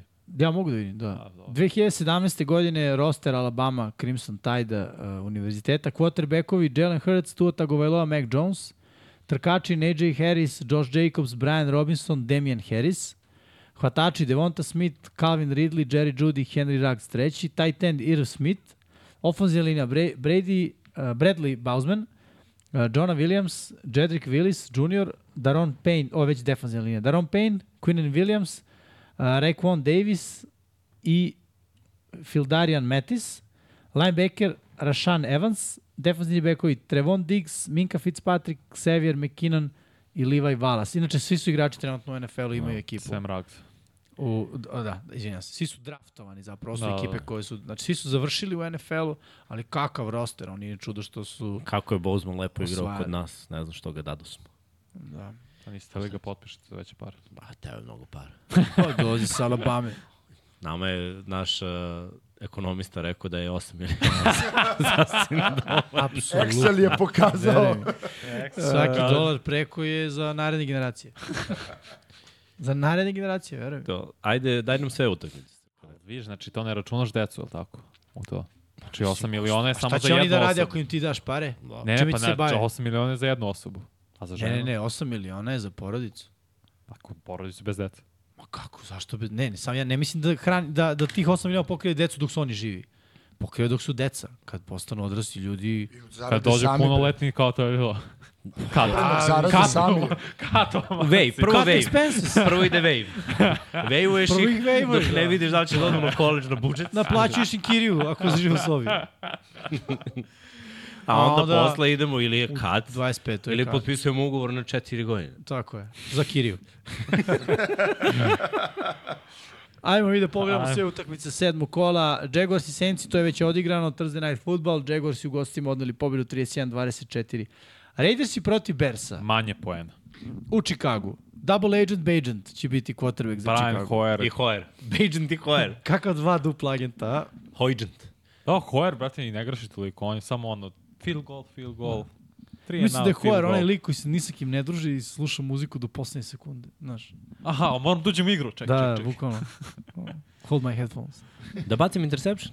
Ne, baca. Dobro, Raidersi su favor, favoriti, definitivno, pogotovo nakon uh, prošle nedelje. Uh, A Bersi, taj problem koji imaju ofanzivno će sad da se produbi. Mislim, nije realno da Bajent tu nešto napravi. Uh, Brownsi protiv Coltsa, ovo nismo izdvojili jer ono, Gardner Minshew će biti starter, Anthony Richardson, rekli smo, završio je sezonu. Pa i Walker će. Vrlo vjerojatno. Da, Vrlo i verovatno. PJ. Walker će, da, verovatno startovati. Da nisu pobedili... Uh, Šta je bre ovo dve utakmice za redom rezervnih quarterbackovi? Na obe Srećno. strane. Da, da. Srećno da, da, zoni. čoveče. Kakvi dupli agenti, a? Da, da. Dobro, Walker odigrao korektno protiv najbolje odbrane po miksi San Francisco 49ers. I to je to od njega. Dobro, Colts imaju isto vrlo dobro odbranu, ali moraju ofanzivno nešto, moraju što više trčanja, da vide Pa Taylor mislim da Moss. moraju sad. Da. Taylor Moss, to ti to, nema šta protiv ove odbrane Cleveland Brownsa koja bije na sve strane. Može ovo da bude field goal game. Isto manje. Biće samo- ružno, da. Može se čak i defensivni touchdown da padne. Da. Doduše, lepo je što se igra u hali, tako da da. U može da slučaju, bude malo efikasnije zbog toga. i taj prethodni meč nedelja od 19 časova. A, naredni meč u istom terminu Patriotsi dočekuju Billse. Mislim da će Billsi, ono, da ih reše Ma bez da, problema. Bills im je 13 osvojenih lopti ove godine, što je drugo u NFL-u. Brate, Patriot se muče ofenzivno. Baš. Muče se ofanzivno i defanzivno su izgubili identitet, mislim, ono, Pregazit ih. I ovim treba da se istresu nakon ovog blama protiv Giantsa. Da. Dobro. Ajmo dalje. U istom terminu Commandersi protiv Giants, jedan divizijski duel. Nisam mogao opet da izdvojim zato što ono Giantsi stvarno mislim šta da, reći. Mislim što najgore hoće biti Taylor. zanimljiviji, biće korektno on uzbudljiv meč što se tiče rezultata, ali neće baš biti divan za gledanje. To je neko moje očekivanje. Znaš da, Su, super što, što je u red zonu. No. Vidjet ćemo ta tri poseda u crvenoj zoni. Da. Dobro, možda ćete imati pauzu sad prvi put. Koliko su dobri napadi. Ali zanimljivo da nijedan hvatač Commandersa ove godine nije imao preko 100 yardi na utakmici. Da. A teško je se samo Čeka se... Da, čeka Ne zato što je on loš, nego zato što je on taj tip kvotera koji samo deli, znaš, deli da šta god je otvoreno on će baciti. Da, Mm. neće da sad nešto tu traži McLaurin, ne znam ja šta. A, nedelja 19 časova takođe, Falconsi protiv Buccaneersa, to smo već obradili, isti termin, Lionsi protiv Revensa i to smo već pokrili i onda u 22.05 u nedelju Steelersi protiv LA Ramsa. Šta znam? Mislim, Da igra Williams Ne drugačije. igra ni Frierbond, čini mi Da, se. drugačija Ne bi ne priča igra. bila. Jer Ramsey ako isključiš trčanje, postaju jednodimenzionalna ekipa u napadu. Ofanzivna linija nije na tom nivou da čuva Stafforda sve Mm. vreme, a Rush Steelersa je legitimni rush, jako, jako dobra agresivna odbrana što se pritiska tiče. E onda mogu da nastanu problemi. Naravno, dobro je imati brza rešenja. Cooper Cup je brzo rešenje. Na kuva. Na Kua može da bude brzo rešenje, ali Higby. ja ovde vidim zapravo ako sve bude bilo ovako i Williams ne bude igrao minus, jer Steelersi nemaju 16 ofanzivni poena ritam. Po utakmici Steelers. 15 ali imaju odbranu i mogu da Ramsima učine kasnije malo teže situacije u, u napadu. Da jedni i drugi budu na, na mali broj poena. Znači, tipa oko 30 ukupno na celoj utakmici. Što za Ramsi nije baš karakteristično, ali nisu igrali protiv ovakve odbrane. Kao što je odbrana Steelersi Steelers. ofanzivno, kad smo već kod toga, 29% su u crvenoj zoni. To je najgore od 2001. godine. Kroz pet utakmica, pošto su imali baj prošle nedelje. svašta škripi u njihovom napadu. Da. Možda će pomoći što su imali baj bolje da se pripreme za protivnike. Hteo sam da biram Steelers, Mm. zaista jesam. Znaš šta je ovde glavno pitanje? Da li će i ove nedelje odbrana Steelersa moći da napravi Pa moći. neko čudo? Oni Ali to- toliko ima oni, ofenzivnih znaš, njima je to sad već normalno. Ali nije, ih se umoriš se. Znaš, umoriš se kao odbrana koja, koja znaš da je pritisak na tebi. Ali sad si posle baja na početku sezone, nećeš sada da se umoriš. Mislim, umoriš se mentalno, nisam mislio fizički. Da, da, umorit ćeš se kasnije. Remsi nisu nasilnička ekipa koja će da ih prebije. Mislim, Ne, Remsi ako nemaju trčanje, a vrlo verovatno kad nema Williamsa, ja ne znam šta će oni raditi trčanjem, oni će da se rašire i Stafford će da bocka, ali ofenzivna linija nije toliko dobra da mu da Istina. vreme, a on greši kada nema vremena. Ne, Williams je out Baca protiv interception. Steelers. jeste, jeste. Da, pro, problemi. Ne, nemaju balans, oni nemaju Da. drugog beka. Dobro. I drugi back. A treba ti, dobar, a treba ti dobar bek protiv Steelers. Treba. Treba, slažem se. Cardinalsi protiv Seahawksa u istom terminu 22-05. Divizijski duel, ali Cardinalsi ono bez Conera koji diktira tu pozem. Mislim, vidi, bit će ovo nezgodno jer su divizijski rivali, spremaju se jedni za druge ono, veći deo predsezone. 9-6 za Seahawks. Moraju Seahawksi trčanje da uspostave mnogo bolje. Misliš 9-6? Ja sećam se kad je bilo Teško. 3-3, pa 6-6 na kraju. E, ne znam, trčanje. Eagle, o, Eagles je, bože, Seahawksi. I ja mislim da će se oni vratiti trčanju. Cardinals to ne, neće moći prosto, a, a ofanzivno osim toga ne, ne znam šta drugo mogu Cardinalsi da, da prikažu. Dobro, 22-25 Packersi protiv Broncosa, mislim ono, ovaj meč zanimljiv samo tim fanovima. Da budem iskren. Ali ti Srke, ti ovaj zanimljiv meč. Zanimljivo mi je, zanim, čekaj, da, zanimljivo mi je da dobijemo, da budemo 3-3, brate, i da, Ne, da, da gledaš. ne, pa, pa naravno ću gledam. Tako je, Srki, nemoj da se da, Reći, nemoj da se Lud, predaš. brate, Pa, ne, Neću da se predam, ne, neću da Ne, se ne predam. znam šta bismo gledali. Šta ćemo idu. Packersi na 3-3, brate, oni su u play-off, pa ti zezi posle. Mislim, u slici. Da, da, da. pa, nadam se. Dobro, isti termin Chargersi protiv Chiefsa, to smo već obradili. Čekaj, stvarno ne vidimo scenariju da Broncosi mogu bar nešto da urade. A šta da uradi? Pa moraju Pa da... moraju, ja ne brate, vidim, nego ja ne, pitam vas čisto da dođemo zajednički Kao- do spoznanja. Kao Seahawks i morali trčanje. Kad su izgubili, njihovi running backovi su imali 19 i 15 nošenja poslednje dve utakmice. Moraju mnogo više da trče. To ne, ne Znam, može. Vanja, ali to je 34 nošenja za ekipu, to nije malo. Si Ne, realno? 19 je, malo na je. jednoj, 15 na drugoj. Ne skupa. Nisam se razumio. 19. Na dve utakmice, A, na izvini, jednoj ja sam mislio da jedan trkač ima 19, Ne, drugi ne, 15. ne. Nego Nego, 34 znaš, nošenja je legit. A tipa, aha, znaš, okej. nemaju... U porazima protiv Chiefsa i Jetsa, 19 nošenja protiv Chiefsa, 15 protiv Jetsa. Moraju da trče mnogo Wilson ne više. dodaje toliko dobro hvatači, nema separacija, ne postoji onda, znaš, Da. bolje, bolje da izgubiš trčeći nego A dodavajući u loše brane trčanje 28 ekipa protiv trčanja, vrat. To ti je jedini način. Znači, Javonte Williams 15 do 20 nošenja, ovaj, kako se zove, McLaughlin, Da. desetak minimalno, da imaju što više check down opcija za njih, screenovi, to je to. Eto ti. Ove sledeće dve smo najavili, tako da nam ostaje samo Monday Night, to su 49ers i Vikings i nismo izdvojili zato što posle ovog poraza stvarno ne vidim scenariju u kom 49ersi mogu da izgube. Mada Vikingsi uvijek igraju te neke egal utakmice, može da bude zanimljivo. Ne, Ne igra ni. Dibo, možda. Ni Da, McCaffrey, možda ni McCaffrey. Šest ekipa je na baju, Bengalsi, Cowboysi, Jetsi, Panthersi, Texansi, Titansi, tako da će biti manje utakmica i u red zonu i u tom prvom terminu. I eto, to bi bilo to što se tiče najave sedmog kola. Možemo naše prognoze da vidimo Da, da, da vidimo kako smo za, za sedmo kolo, šta smo mi tu nešto prognozirali. videli. Divali, Čti Miksa. Uh, Jacksonville Jaguarsi protiv Saintsa, Jimmy video Saintse Video Pablo. svece, brate, ali... Da. Ali Jacksonville Jaguarsi dobiše. Ja sam mislio da neće igrati Lorenz, da budem iskren. Da ja, ja znaš šta, čim su oni napisali da je Ifi, ja sam bio u fazonu, igraće. ortozu. a, stavit će. Ne, na, ne, važna je utakmica. Kad dobiješ tri za redom, znaš, nećeš da upucaš to. Znaš, već su rešili London, pre toga, da. posle toga dobili kod kuće. Želiš da u, nastaviš taj dobar niz. I pazi koliko ih je to diglo. Oni su sad Da, da, opasna ekipa zahvaljujući tom nizu. Uh, Raidersi protiv uh, Chicaga, samo Pablo veruje u Chicago, svi ostali u Vegas. Cleveland protiv uh, Indianapolisa, Jimmy, Vanja, ja i Srki veliki verujemo u Cleveland, a Erceg i Pablo u Indianapolis. Buffalo protiv New Englanda, ovde nema ludih teorija, svi veruju u Buffalo. Washington protiv Giantsa, svi veruju u Washington. Mm -hmm. Gle se ga dobiju Giants.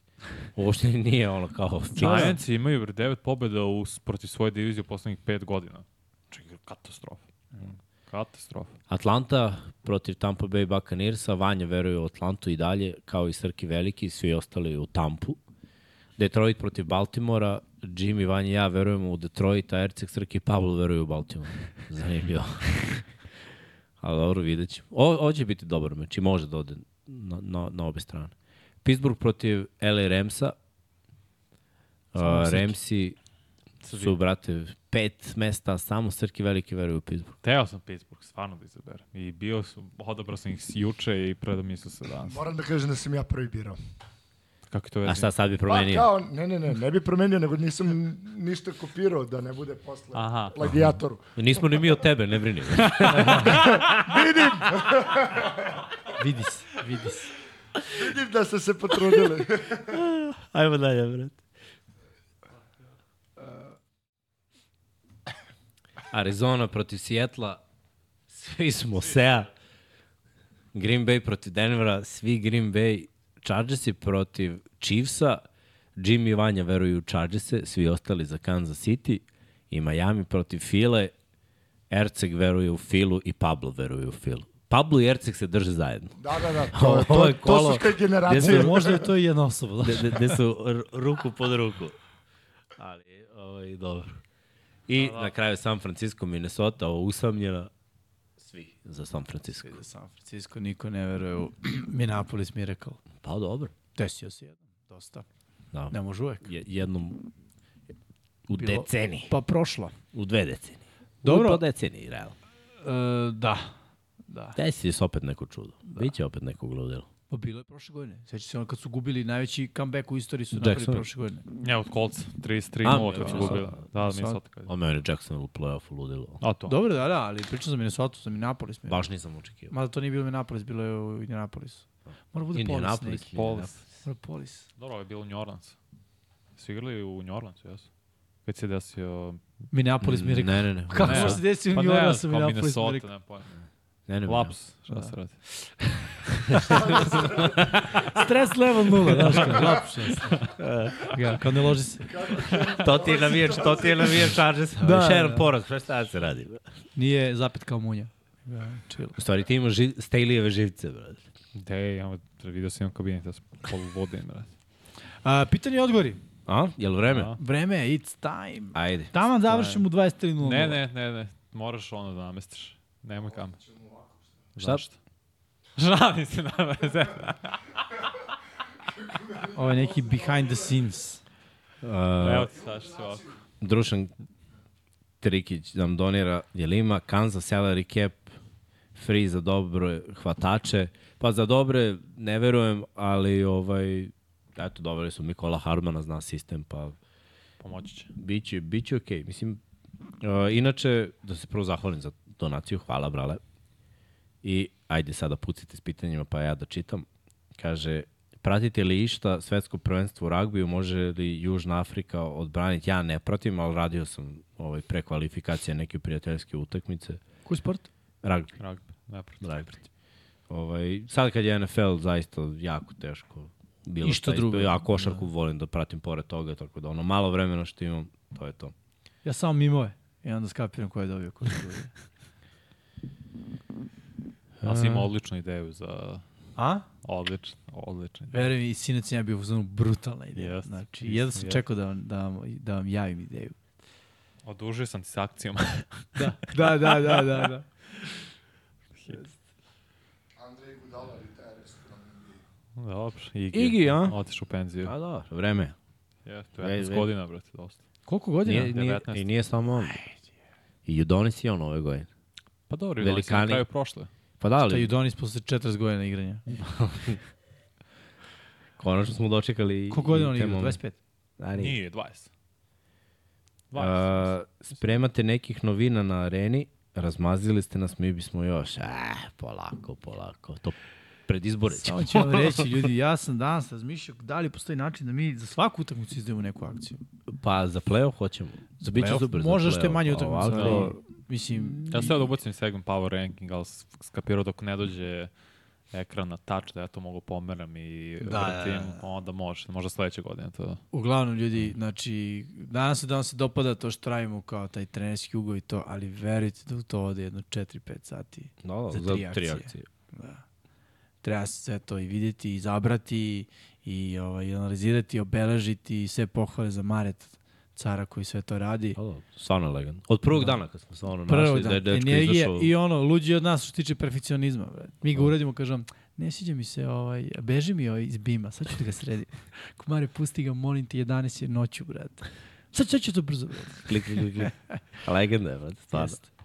Uh, tako da, biće, biće dobro, biće svašta dobro, jeste velika novina, prvi put izveštaj sa lica mesta, mislim, to Jest. niste videli Mm. pre. Jeste. Tako da očekujte intervjue, poslao sam spisak svih. Na, napiši mi spisak uh, igrača da Sve. tražimo zahtev, ja, kolik, koliki spisak treba da bude. 106 Znači, ljudi na spisku. Ja prvo poslao 15, ono, znaš, kao najboljih. Ja rekao, ako treba još, kao recite, kao pa može, kao, znaš, još malo, ja rekao, ali treba proširen spisak, onako, selektorski, pa sam ga proširio, znaš, ono kad ideš, Ti si od užeg išao ka širem spisku, a selektor idu kontra, šire ka užeg. tako da sam ga proširio, brate, gotovo na roster. Kakav ćeš biti na društvenim mrežama svuda, nisi svestan. Ima da dam telefon Teriku da radi salto tamo. Ajde, brate. Evo, ja ovaj, neću ti naplatim nikakvu kaznu. Uh, kažu, zanemaju sada Eaglesi pojača napad koji može da juri Dolfinse, pa, to pita Šta zbog... brzi, Dž, uh, pa zbog Hulija. Hulija. Pa ja ne verujem da će on igrati brzi mnogo on na ovoj igrati, utakmici. Da. I ako bude igrao na ovoj, što kažeš, neće igrati mnogo, ja čak ne, ne očekujem da igra ovoj utakmici. Ne, Ali pos, popravit će napad Julio, to, to je sigurno. Dobit će neku novu opciju. Makar u crvenoj zoni. Razočaraš što sam izabrao Miami, znaš? pa naravno. Sad me to... Kaže, dinastija, uh, to će Srđan da vam odgovori, a pitanje je i bilo kad će Srđan ponovo da dođe. E, to je pravo Ima pitanje za MotoGP, Srđan. Da. Australija, vremenska razlika, evo sad da tr treba počnu kvalifikacije. Zato su nam ovde ukrali ovu foteljicu. E, da, ljudi, bravo, što se toga tiče, pozivamo, pozivo, poziv, uf, Pozivamo. pozivamo vas, izvinjavam se. Uh, počinje sajam knjiga od sutra, tako da ponovo i Infinity Lighthouse ima svoj štand, ponovo će biti druženja, zbog toga je naravno Pera došao, oteo Sony i odnog ga sada se postavlja tamo, ali eto, 21. oktobra do 29. Dobrodošli ste, bit ćemo i mi tu u nekim momentima, naravno, ali manje više cela ekipa će biti tamo sve vreme, dođite veliki popusti što se tiče knjiga, merchandise generalno, tako da eto, da, isto, ista lokacija kao prošle godine, isti štand, samo napređen. Dobro. Dođite. Neće biti dinastija. Ne, to nije na mene, Kako? to je iznad mene pitanje. Šalim se, bit će uskoro, bit će uskoro. Ovaj, stvarno, mislim da je došao taj trenutak da, da će se sve ovaj, privesti kraju vrlo brzo.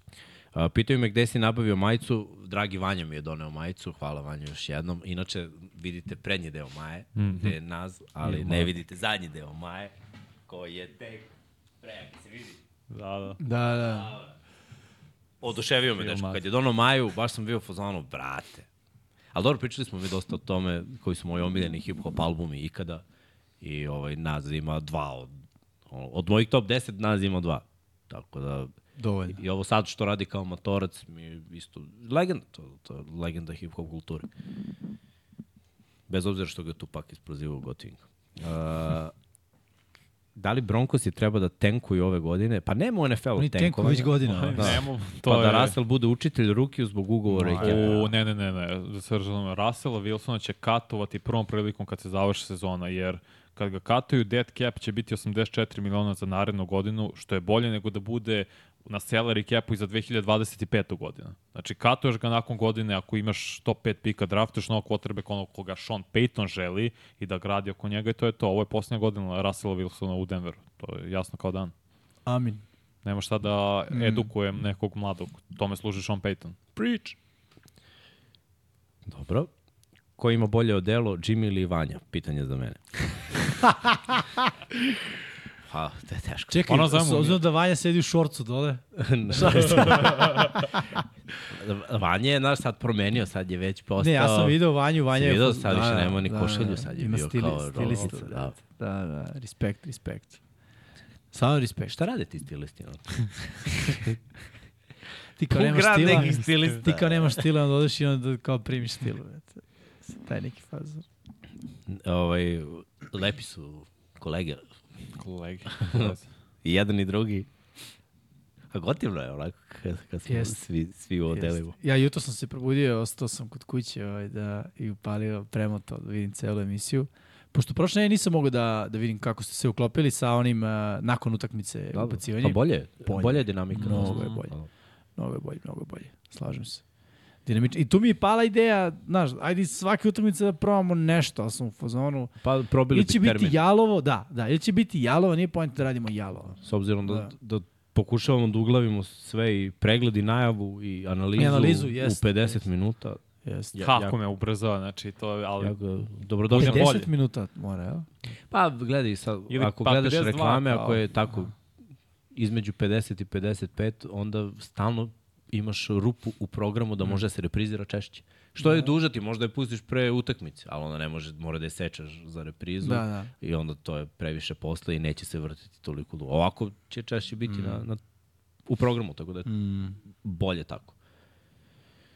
Uh, ajde predikcije za finale obe konferencije na osnovu dosadašnjeg stanja. U, može. Sigurno Chiefs i- vidimo sve Chiefs i potpuno. Dolphins, Dobro. AFC. Lions i 49ers, NFC. Zanimljivo. Lions i 49ers. Ća. Si zezamo ovdje. Uh, Eagles i 49ers. Repriza. A u AFC-u? A u AFC-u Ajde sada. Bengalsi, izločim ih ono iz naftalina, i Dolphins. Zanimljivo. Da. Ja ću da budem u NFC-u kao ti, a u AFC-u kao Vanja. A šta si beše rekao u AFC-u, izvini? U AFC-u Njegovo Miami Chiefs. da. Miami Chiefs. Miami Chiefs. Da, ali svi vidimo Miami. Da. A, kako sam vas naterao da izaberete da. Delfina. Niste te? Niste. Niste te? I ko, šta si ti? Bili ste u fazonu, šta Miami, to je hype, to je hype. To je Jimmy Tako bio. i Cleveland ima hype. U, čekaj To sekund. je, ne, ne, ne, ne, ne, to je Jimmy pričao. Ja sam izabrao Miami da osvoji diviziju pre početka sezona. Ove godine. A prošle? Ove godine, ja kažem za ovu. Aha, prošle. Prošle nisi bio pravo. Sam vidio u budućnosti. Imamo, Bacio sam pasund predaleko. Razumeš? imamo 193 ljudi u lajku i 160 U lajku. Da, da, imamo U lajku. u lajku. U lajku. Pa da, Ovaj, imamo ja jako dobre gasim, procente, procente lajkovanja, uh, ako uzmemo u obzir koliko ljudi u live. Uh, ko radi Red Zone, Jimmy i ja radimo Red Zone. Mm. Šta mislite o prekršajima na strani Clevelanda protiv San Francisco, pas u napred i više me zanima onaj pas interference navodni. Ma, na svakoj utakmici ima nekoliko diskutabilnih. Mm. Ja uvijek pohvalim sudije kada donesu dobru odluku, jer ono, treba im. Mm.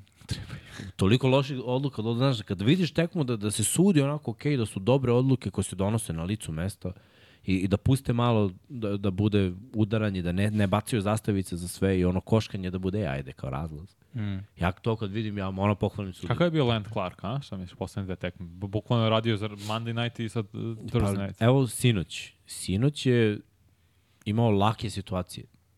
Ja tako, nije bilo, gotovo da nije bilo nečega da smo se zapitali, u šta će ovde da bude. Mm. Ekipe su igrale tako da, da nije bilo mnogo posla. Nije bilo nijedne sumnjive situacije. Da, da. Onaj jedan je bio boot review, ali bilo unutar dva minuta nije morao ni challenge, tako da su oni to automatski pregledali. I kod Latimorovog interceptiona isto Da, da. videlo se Pa jasno. to- Pa da. Mislim, tako da kada pogledaš šta je bilo, kako je bilo, skroz okej suđenje. Ali nije bilo tih sumnjivih situacija, tih udaraca, imaginarnih pass interferensa, roughing the passer. protiv Chargersa, on opet. Pa ne, uvijek im- na mnogo utakmica ćeš imati takve stvari. I ja, mi kad gledamo ovaj red zone, sad kad imaš baš da gledaš ono, svaku utakmicu, svako kola, uh, ne, ne vidiš svaku situaciju, Da, mi ne da. vidimo svaku situaciju, ali vidimo većinu situacija gde, znaš, ponekad ne mogu da dele mišljenje. Ima Slažem se. situacija gde, gde sudije pogreše, gde donesu odluku. Naročito kada pogreši donesu odluku za pass interference ili tako nešto, to ne može da se ispravi. Mm. I prevelika zaštita kotrbe koja generalno. Bila Da, situacija kad je Herbert uklizao i ovi su svirali šta je bilo, personal foul nije bio uopšte. Uopšte nije bio personal foul. Herbert je ovaj udario na vreme, ja Mm. lepo udarac, ništa i ovaj baca žutu zastavicu, jer on. Mm. Pre, prevelika protekcija quarterbacka.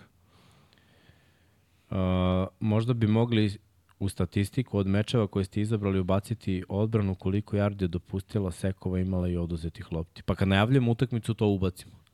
Ali inače te statistike smo imali na početku, ali su kvarile dinamiku emisije. Zato smo to Mislim odradili. Ako misle ili- ovde na podcast, uh, mi imamo samo ofanzivno, da? Tako, Da, imamo samo ofenzivnu statistiku, nemamo defenzivnu. Ne znam Bilo kako bi teško to, da, to nije, nije to baš toliko prosto, jer o, makar pošto uzimamo sa ESPN-a, oni defanzivno daju po... Sve igrače. Tako je, sve igrače koji zabeležu baranje.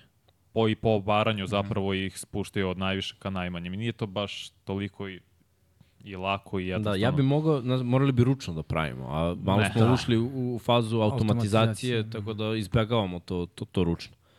Možemo To da spomenemo. Sa perom da, da sumira te brojke. Jer ja ovde imam na aplikaciji, na primjer, timsku ovaj, statistiku da se izvuče defanzivno i to bi bilo okej, to bi mogli da A izvučemo. možemo sa perom, možda nije loše da napravimo, da, da se možda flipne bi, karta. Možda bi Može, ali- sa, ESPN-a vučemo. Ima i on Mogli bi sa ESPN-a. Team Stats da izvučemo, Može. čisto. Ali to je tu isto dugačak jedan koji oni imaju na uh, koliko prvih downova i koliko prvih downova Dobro, mi ćemo dodavanje izabrati šta nam pasom. treba, znaš.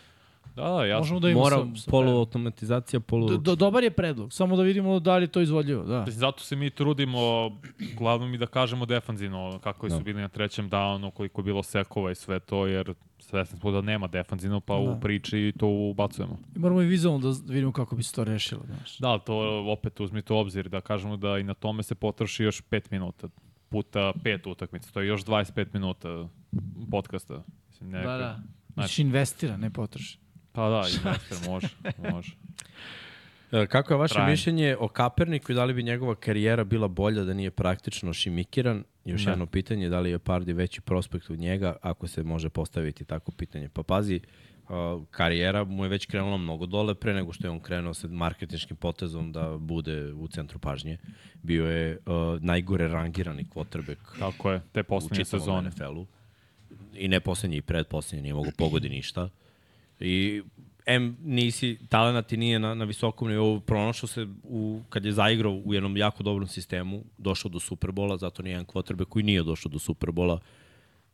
I koje Ne, stil ne igre možemo da kažemo, pa preteča, znaš, prete, u, era je bila i dalje ona stara era, makljali su se Mm -hmm. o- odbrambeni igrači ono ko ludi. Sad je drugačija malo era. Možda bi mu više legao ovaj futbol danas, ali dečko je jednostavno talent ruke, nekih dodavanja nije na nivou Prosečan kotar. Da, ne, ne, ne bi mu bio bolji. Da, za Pardija, mislim, dok ne vidimo pet sezona Pardija, ne, nema o čemu pričam. Da, ali prospekt, a mislim šta znači prospekt? Ka, ni i Pardi, ni Kaepernick, koji je bio pik? Treće, četvrte runde, koliko se sećam. Da, Možda je na koleđu Pardi bio konstantniji, ali opet, to sad, sad zaista ne mogu da setim kakav je Kaepernick bio na koleđu, niti je bio sad nešto visoko rangiran uh, quarterback što se toga tiče. Teško je sad to uporediti. Ja mislim da je njegova karijera imala sve. Ono. Imala je uh, onako osrednji start, jedan pik, nakon toga Super pad. Bowl. I to Jim, je to. Jim Harbaugh je zaslužen. On je ubacio Kaepernicka u mesto Alexa Smitha, koji je bio pik broj 1 2005. na draftu. On je odlučio ne, ne možemo da dostignemo ovaj nivo sa Smithom, daj da probamo sa Kaepernickom. A, napravili su novu To je foru, probali sa drugačijim sistemom u napadu. Mislim, on je mnogo trčao. Svi vidi, ja sam svestan da trčao se uspešno. on, kao i većina profesionalnih sportista, i daje nije pomirio sa time da je kraj karijere. Bio je kraj bre. Ne, ne, ne Oči- mislim znam, sada, nego, znaš, došao do kraja. problem, da. Upravo to, znaš. I onda zbog cele još te priče osjeća da mu je nešto uskraćeno, da mu je nešto uzeto i da i dalje ima tu neku želju svoju, da nema kao završnicu uh, propisno kako on želi svoje karijere. Ali mislim, Tom Brady to isto ima. Ja sam sigurno on hteo 10 pr- ono, prstena da osvoji. A verujem, ali on do, je dobio priliku, pričamo o Kaepernicku. Zvali su te XFL, U, ovaj USFL sigurno, mogu što ne igraš tamo, odigraš par dobrih utakmica i pokri, imaš tape. Vide, aha, jeste loše konkurenciju, ali igra super, mnogo je bolje njih, vidi se na tejpu, daj da mu damo šansu. PJ Walker je tako došao. Tako je. Ali on je u fazonu ne. I kad je bio organizovan trening, NFL je organizovao trening na jednoj lokaciji da dođu svi skauti da gledaju, da pruže priliku Kaperniku, koliko se toga sećam. On je rekao, ne, ja neću ovde da treniram, ja ću trenirati u nekoj srednjoj školi 20 minuta, odatle vi dođete do mene. On se rekao, Ali lik je, druže, lik je ćao." istupovan, bre, i to je to. Pogledajte njegovu seriju i vidjet ćete da, da se Seriju čega, ne znam. Ima Serijal. na Netflixu seriju. Seriju? Da. Serijal ili serija? Kao dokumentarac. O njemu? Ni serija ima glumac, klinac, kad je on kao bio mali, roditelj, to su glumci, znači nije dokumentarac je s glumcima, znači serija ima epizode. Znači, dobro, fiktivno je. Mislim, zasnovano po njegovom, na istinitom po događaju. njegovom životu, kao. Je on narotor? Jeste. Nisam Jest. gledao, nego prepostavljam. Pogledaj, ima nekih zanimljivih teza koje jesu tačne, ali uglavnom je ono, buhu obriše suze mila moja, idemo dalje, bre. On je dobio pare od NFL-a. Da se razumemo, on je s njima s, sti, ovo, došao do sporazuma. Uh, ste videli statistiku od Russella Wilson ove sezone bolje od Mahomes? Dobro, statistika, ja sam rekao, Russell Wilson igra bolje ove godine nego prošle. Ali opet statistika zavara nekad, mora se gleda same utakmice. Pa dobro, mislim, to je verovatno komentar bio, to je pitanje onako više šaljivo. E, U smislu, mislim, odgovor na to je bio i šta sa tim da radimo. Mislim, ima i 1-5 Broncosi, da li iko veruje da mogu da ha, uđu u playoff? Ne, ne Mislim da, imaju katastrofa odbranu, jednu od najgorih u ligi, to sve stoji. Nije sve na Russellu Wilsonu, igra bolje, ali igra sada kao prosječan quarterback u NFL-u. Videli smo protiv Chiefs, imao je 95 yardi doda dodavanje. Odbrana je tu odradila koliko toliko dobar posao, ali uglavnom je odbrana grozna. Mislim, da dopustili su 70 poena ljudi. Vidim da ima 1305 prebačenih yardi. Da, da, igrao kroz to je kroz šest 12, utakmica. da, 12 touchdownova i 4 interceptiona. Ja mislim da ovo... Da ima i fumblove. E, Da li mislite da Dak može da vodi Dallas do Superbola? Kako sam gledao nešto, ima 40 miliona platu i mislim da može sve lagano da ih odvede i uvijek loži čak da budu. Dobar por. A, ajde samo da kažem jednu stvar. Znači, Russell ima 1300 prebačenih Ima yardi, passer rating. Mahomes ima 1593. Znači, Mahomes bolji. 11 touchdownova, Mahomes 5 interceptiona, Russell ima 12-4. Mislim, nije bolja statistika. Ne, ne znam šta je... Pa Šta... možda je misli na passer rating QBR i to ne znam sad Dobro, napamet. evo, Russell Wilsonu 99 za sezonu, Mahomesu 95,7. Mislim, okej, ali Nisu opet, neke to razlike. šesta nedelja bukvalno razlike ne, ne postoje. Mislim, rating dobro, ali ono, ja i prebiram Mahomes u svakom slučaju. QBR, evo ti, to je naj, možda i najbolja statistika za quarterbacka. Russell Wilson 39,8, to se ocenjuje od 0 do 100. Mahomes je 72,8. Znači, Mm. tu se dosta vidi, on, to, jer tu računaju celokupnu igru quarterbacka, ne samo dodavanje, Jasno, već odluke, trčanje i sve to baš. je- Ja, možete proveriti samo koliko Tariku Hillu fali. Sad ima 814 yardi. 180 mu nešto? fali da dođe do 1000. Da, Uh, imamo to 76. zahtev od Filipa Međedovića da pustimo Srke Velikog da kaže njegovo predviđanje finala. Srke, izvini, nismo te pitali stvarno. I možeš pustiš kadar na sebe. Ne mogu, Ne zato što nećemo. mislim da imam neki, neki problem s kamerom, moram da je proverim. Dobro. A ovo je predviđanje finala. Konferencija. Konferencija. AFC, NFC. Ovo nemam pojma, brate. Mislim Ajde, da ajde. toliko stručan, brate. Ajde, pa daj. Zato se zove predviđanje što niko nije stručan. Imaš 60. Za to. Ajde, ajde. Koliko ima? pričajte, 60 pa ću ja pogođenih? Da. Šest 60 pogođenih, pogođenih, da. 60. Da, ajde, sa 60 pogođenih možeš... Čekaj, brate. Imaš 64% uspešnosti, skoro 65, 64,5. Da. Znači, Vidi, imaš samo 16 ekipa s jedne i s druge strane. Ćeš da ti damo minut da razmisliš. Samo Ajde. četiri ekipe. 60, 59. Idemo. Tamo da pročitamo. Kaže, ima li kakva kamera za velikog Srke i da kaže koju Ima, ima, takođe. nego nešto Pa se bio je. isključila. Ima, ima. Imao sam kadar na početku. Imao je nešto kadar, ali kadar je... Odneo mu pera i kameru i sve mu odneo. Sve modno čovjek. Kaže, da li će neko da preokrene dosadašnju slabu sezonu i da ode u wild card i playoff? Od ovih koji mogu da Chargers. preokrenu. Pusti me da verujem. Šta je slaba sezona u ovom trenutku? Pusti me da Pa, verujem. Pazi. Negativan skor. Pa, da. Pa, Samo pitam. možemo tako da tumačimo, a možemo da tumačimo. Pa, evo, gledam. Nije. Jetsi, Ako se Rodgers vrati posle za mesec dana. Bengalsi. A, Ja sam ih vidio. Bengalsi. Brownsi, Steelersi. on Texansi? voli svoj sever, to je. Texansi. Ceo sever je do sever. samo mi se smeta. Chargersi, slažem se Vanja. Mislim, može da se desi. Pazi ovo, Mm. Packersi. Raidersi. Pa dobro, Raiders. Smejte se. Kad Texans i Saintsi. uđu u playoff. Saintsi mogu kao šampioni Da. divizije. To je možda i najlakši. Znaš koga ću reći? Ramsi. Commandersi. Commandersi. Da, koji ima Što odbrana slab klikne. početak krenuli 2-0.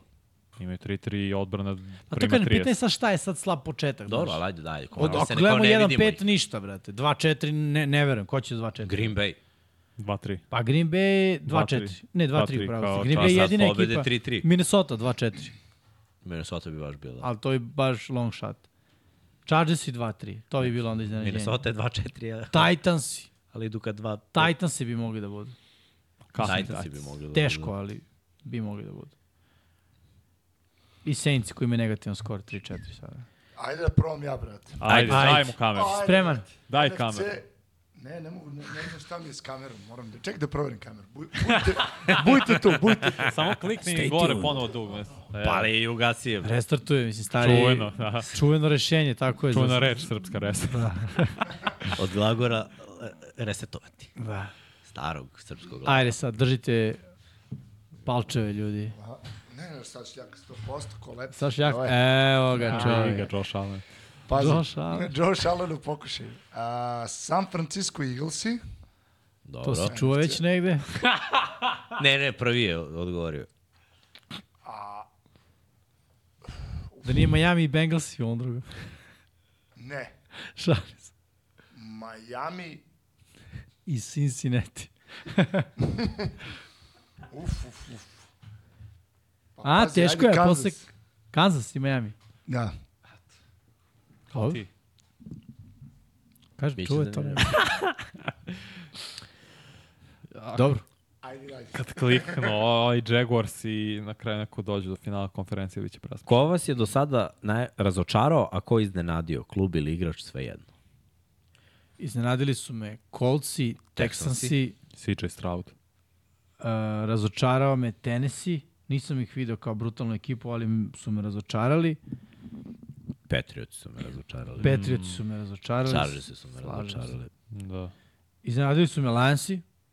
Mislim, ja sam rekao da će biti o, ta godina, A rekli smo svi, da. ali opet ono, Ramsi su mi iznenadili, iskreno. jesu. Ramsi su mi iznenadili baš pozitivno. Giantsi razočarali. Ma Giantsi su kant. što smo- Ne, ko još? Pa iskreno i... Bez obzira na skor, Cardinalsi su me iznenadili. Pittsburgh iznenadio. Ma kakvi Pittsburgh? Bengalsi razočarali. Pa iznenadili 3-2. NFC Jug me ceo iznenadio. Sem, kara, sem ovih. Kakaj vi to, te neprijatno Panthers. iznenadilo. Jes, oni su me razočarali, ali ovi ostali e, po tri pobjede nakon šest kola.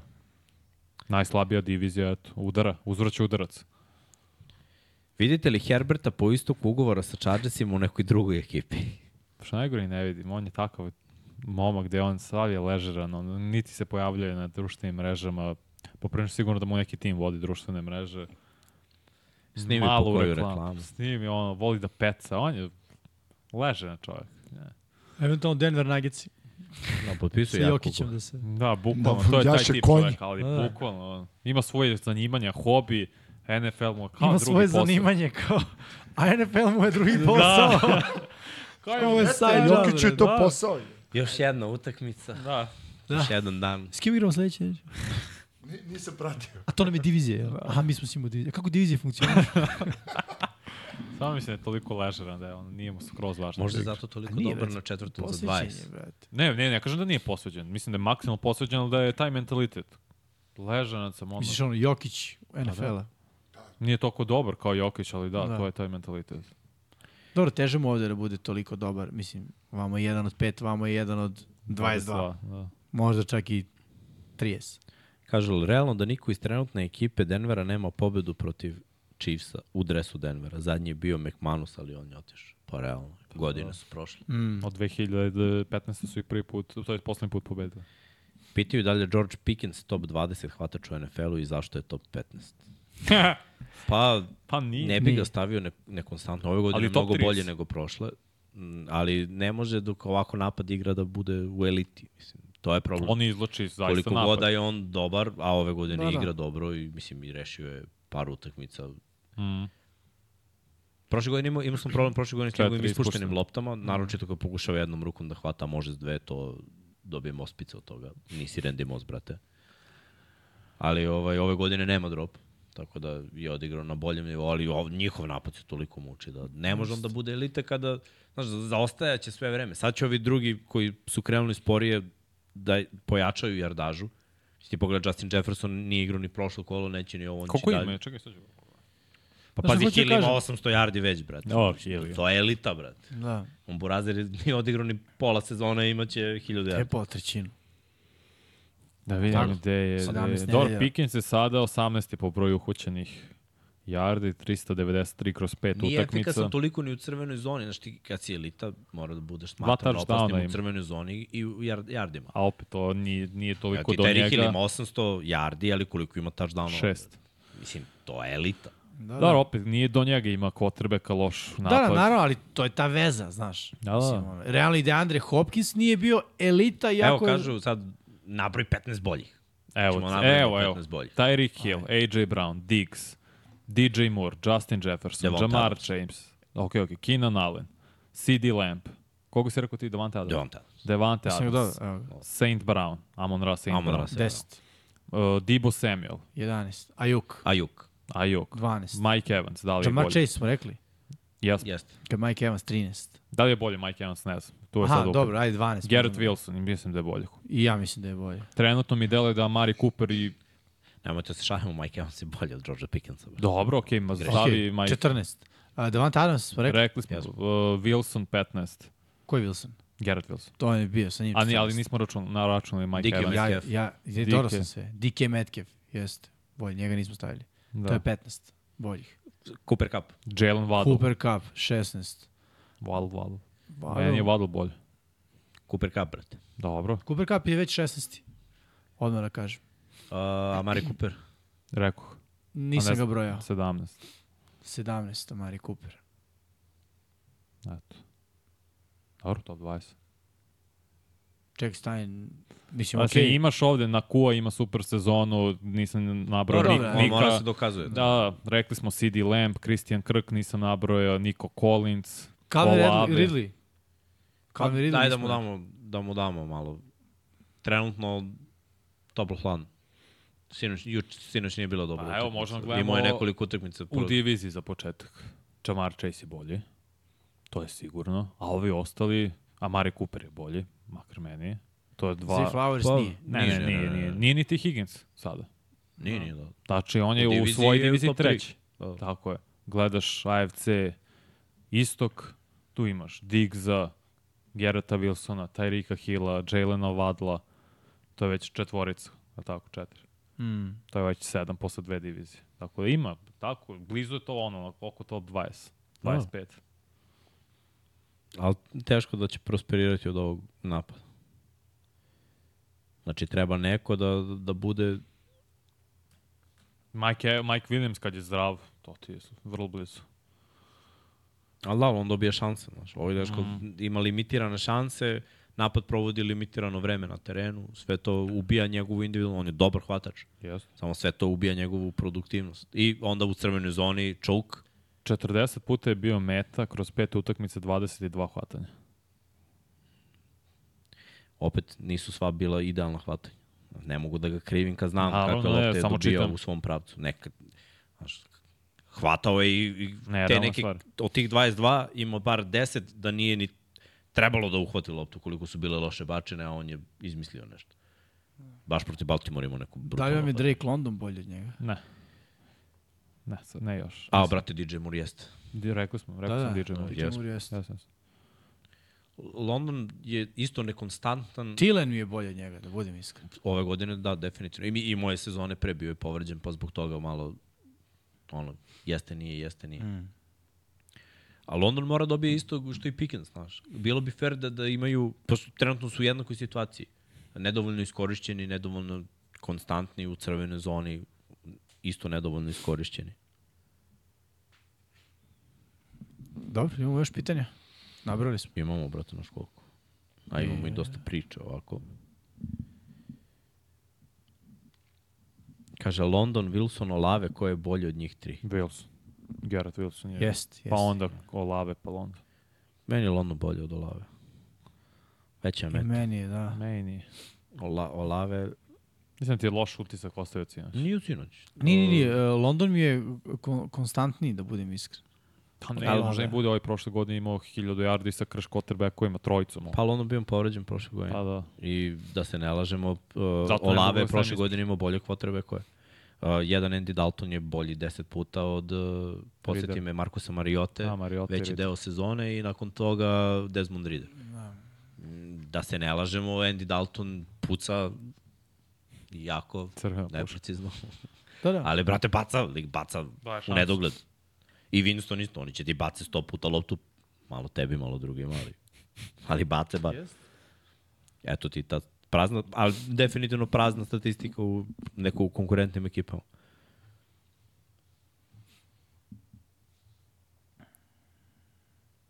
Uh, uh, uh, uh, uh, uh. Brian Hoyer će startovati za Raiders. Pa da, Potvrđen. Rekli smo. Hoja. A, ćemo da zatvaramo Rađe Miksa ili? Evo samo da bar, da, da bar iskrolujem do kraja. Ajde. Pošto sad sam ušao u ovu fazu priče i vidim, da, da. Ćemo da odgovorimo na još jedno. Ajde. Evo, poslednje za danas i zatvaramo radnju. Kaže, kako komentarišete fakt da brat Quadzilla Dillon udara farming simulator u dva ujutra? Da, nismo to pričali pričao prošle o ne. tome, da. Neka ga bio na baj nedelju, šta ga briga. Ne tad, bre, on to kad igra, bre, radi. To mu je lifestyle. Možda ga smiruje, bre. Njemu je NFL side job. Neka ga, šta, neko voli čovjek. A virtualni Čovjek farmer, brate. Odigrao je dobro protiv Raidersa, šta se radi? Šta imaš ti u meta svetu, bre? On ima farmu, brate. I kombajn. Vanja prošao sve ratove. E. Ajde, prošlu istoriju sveta, Lovod. sa kapuljačom na glavi. pa kao.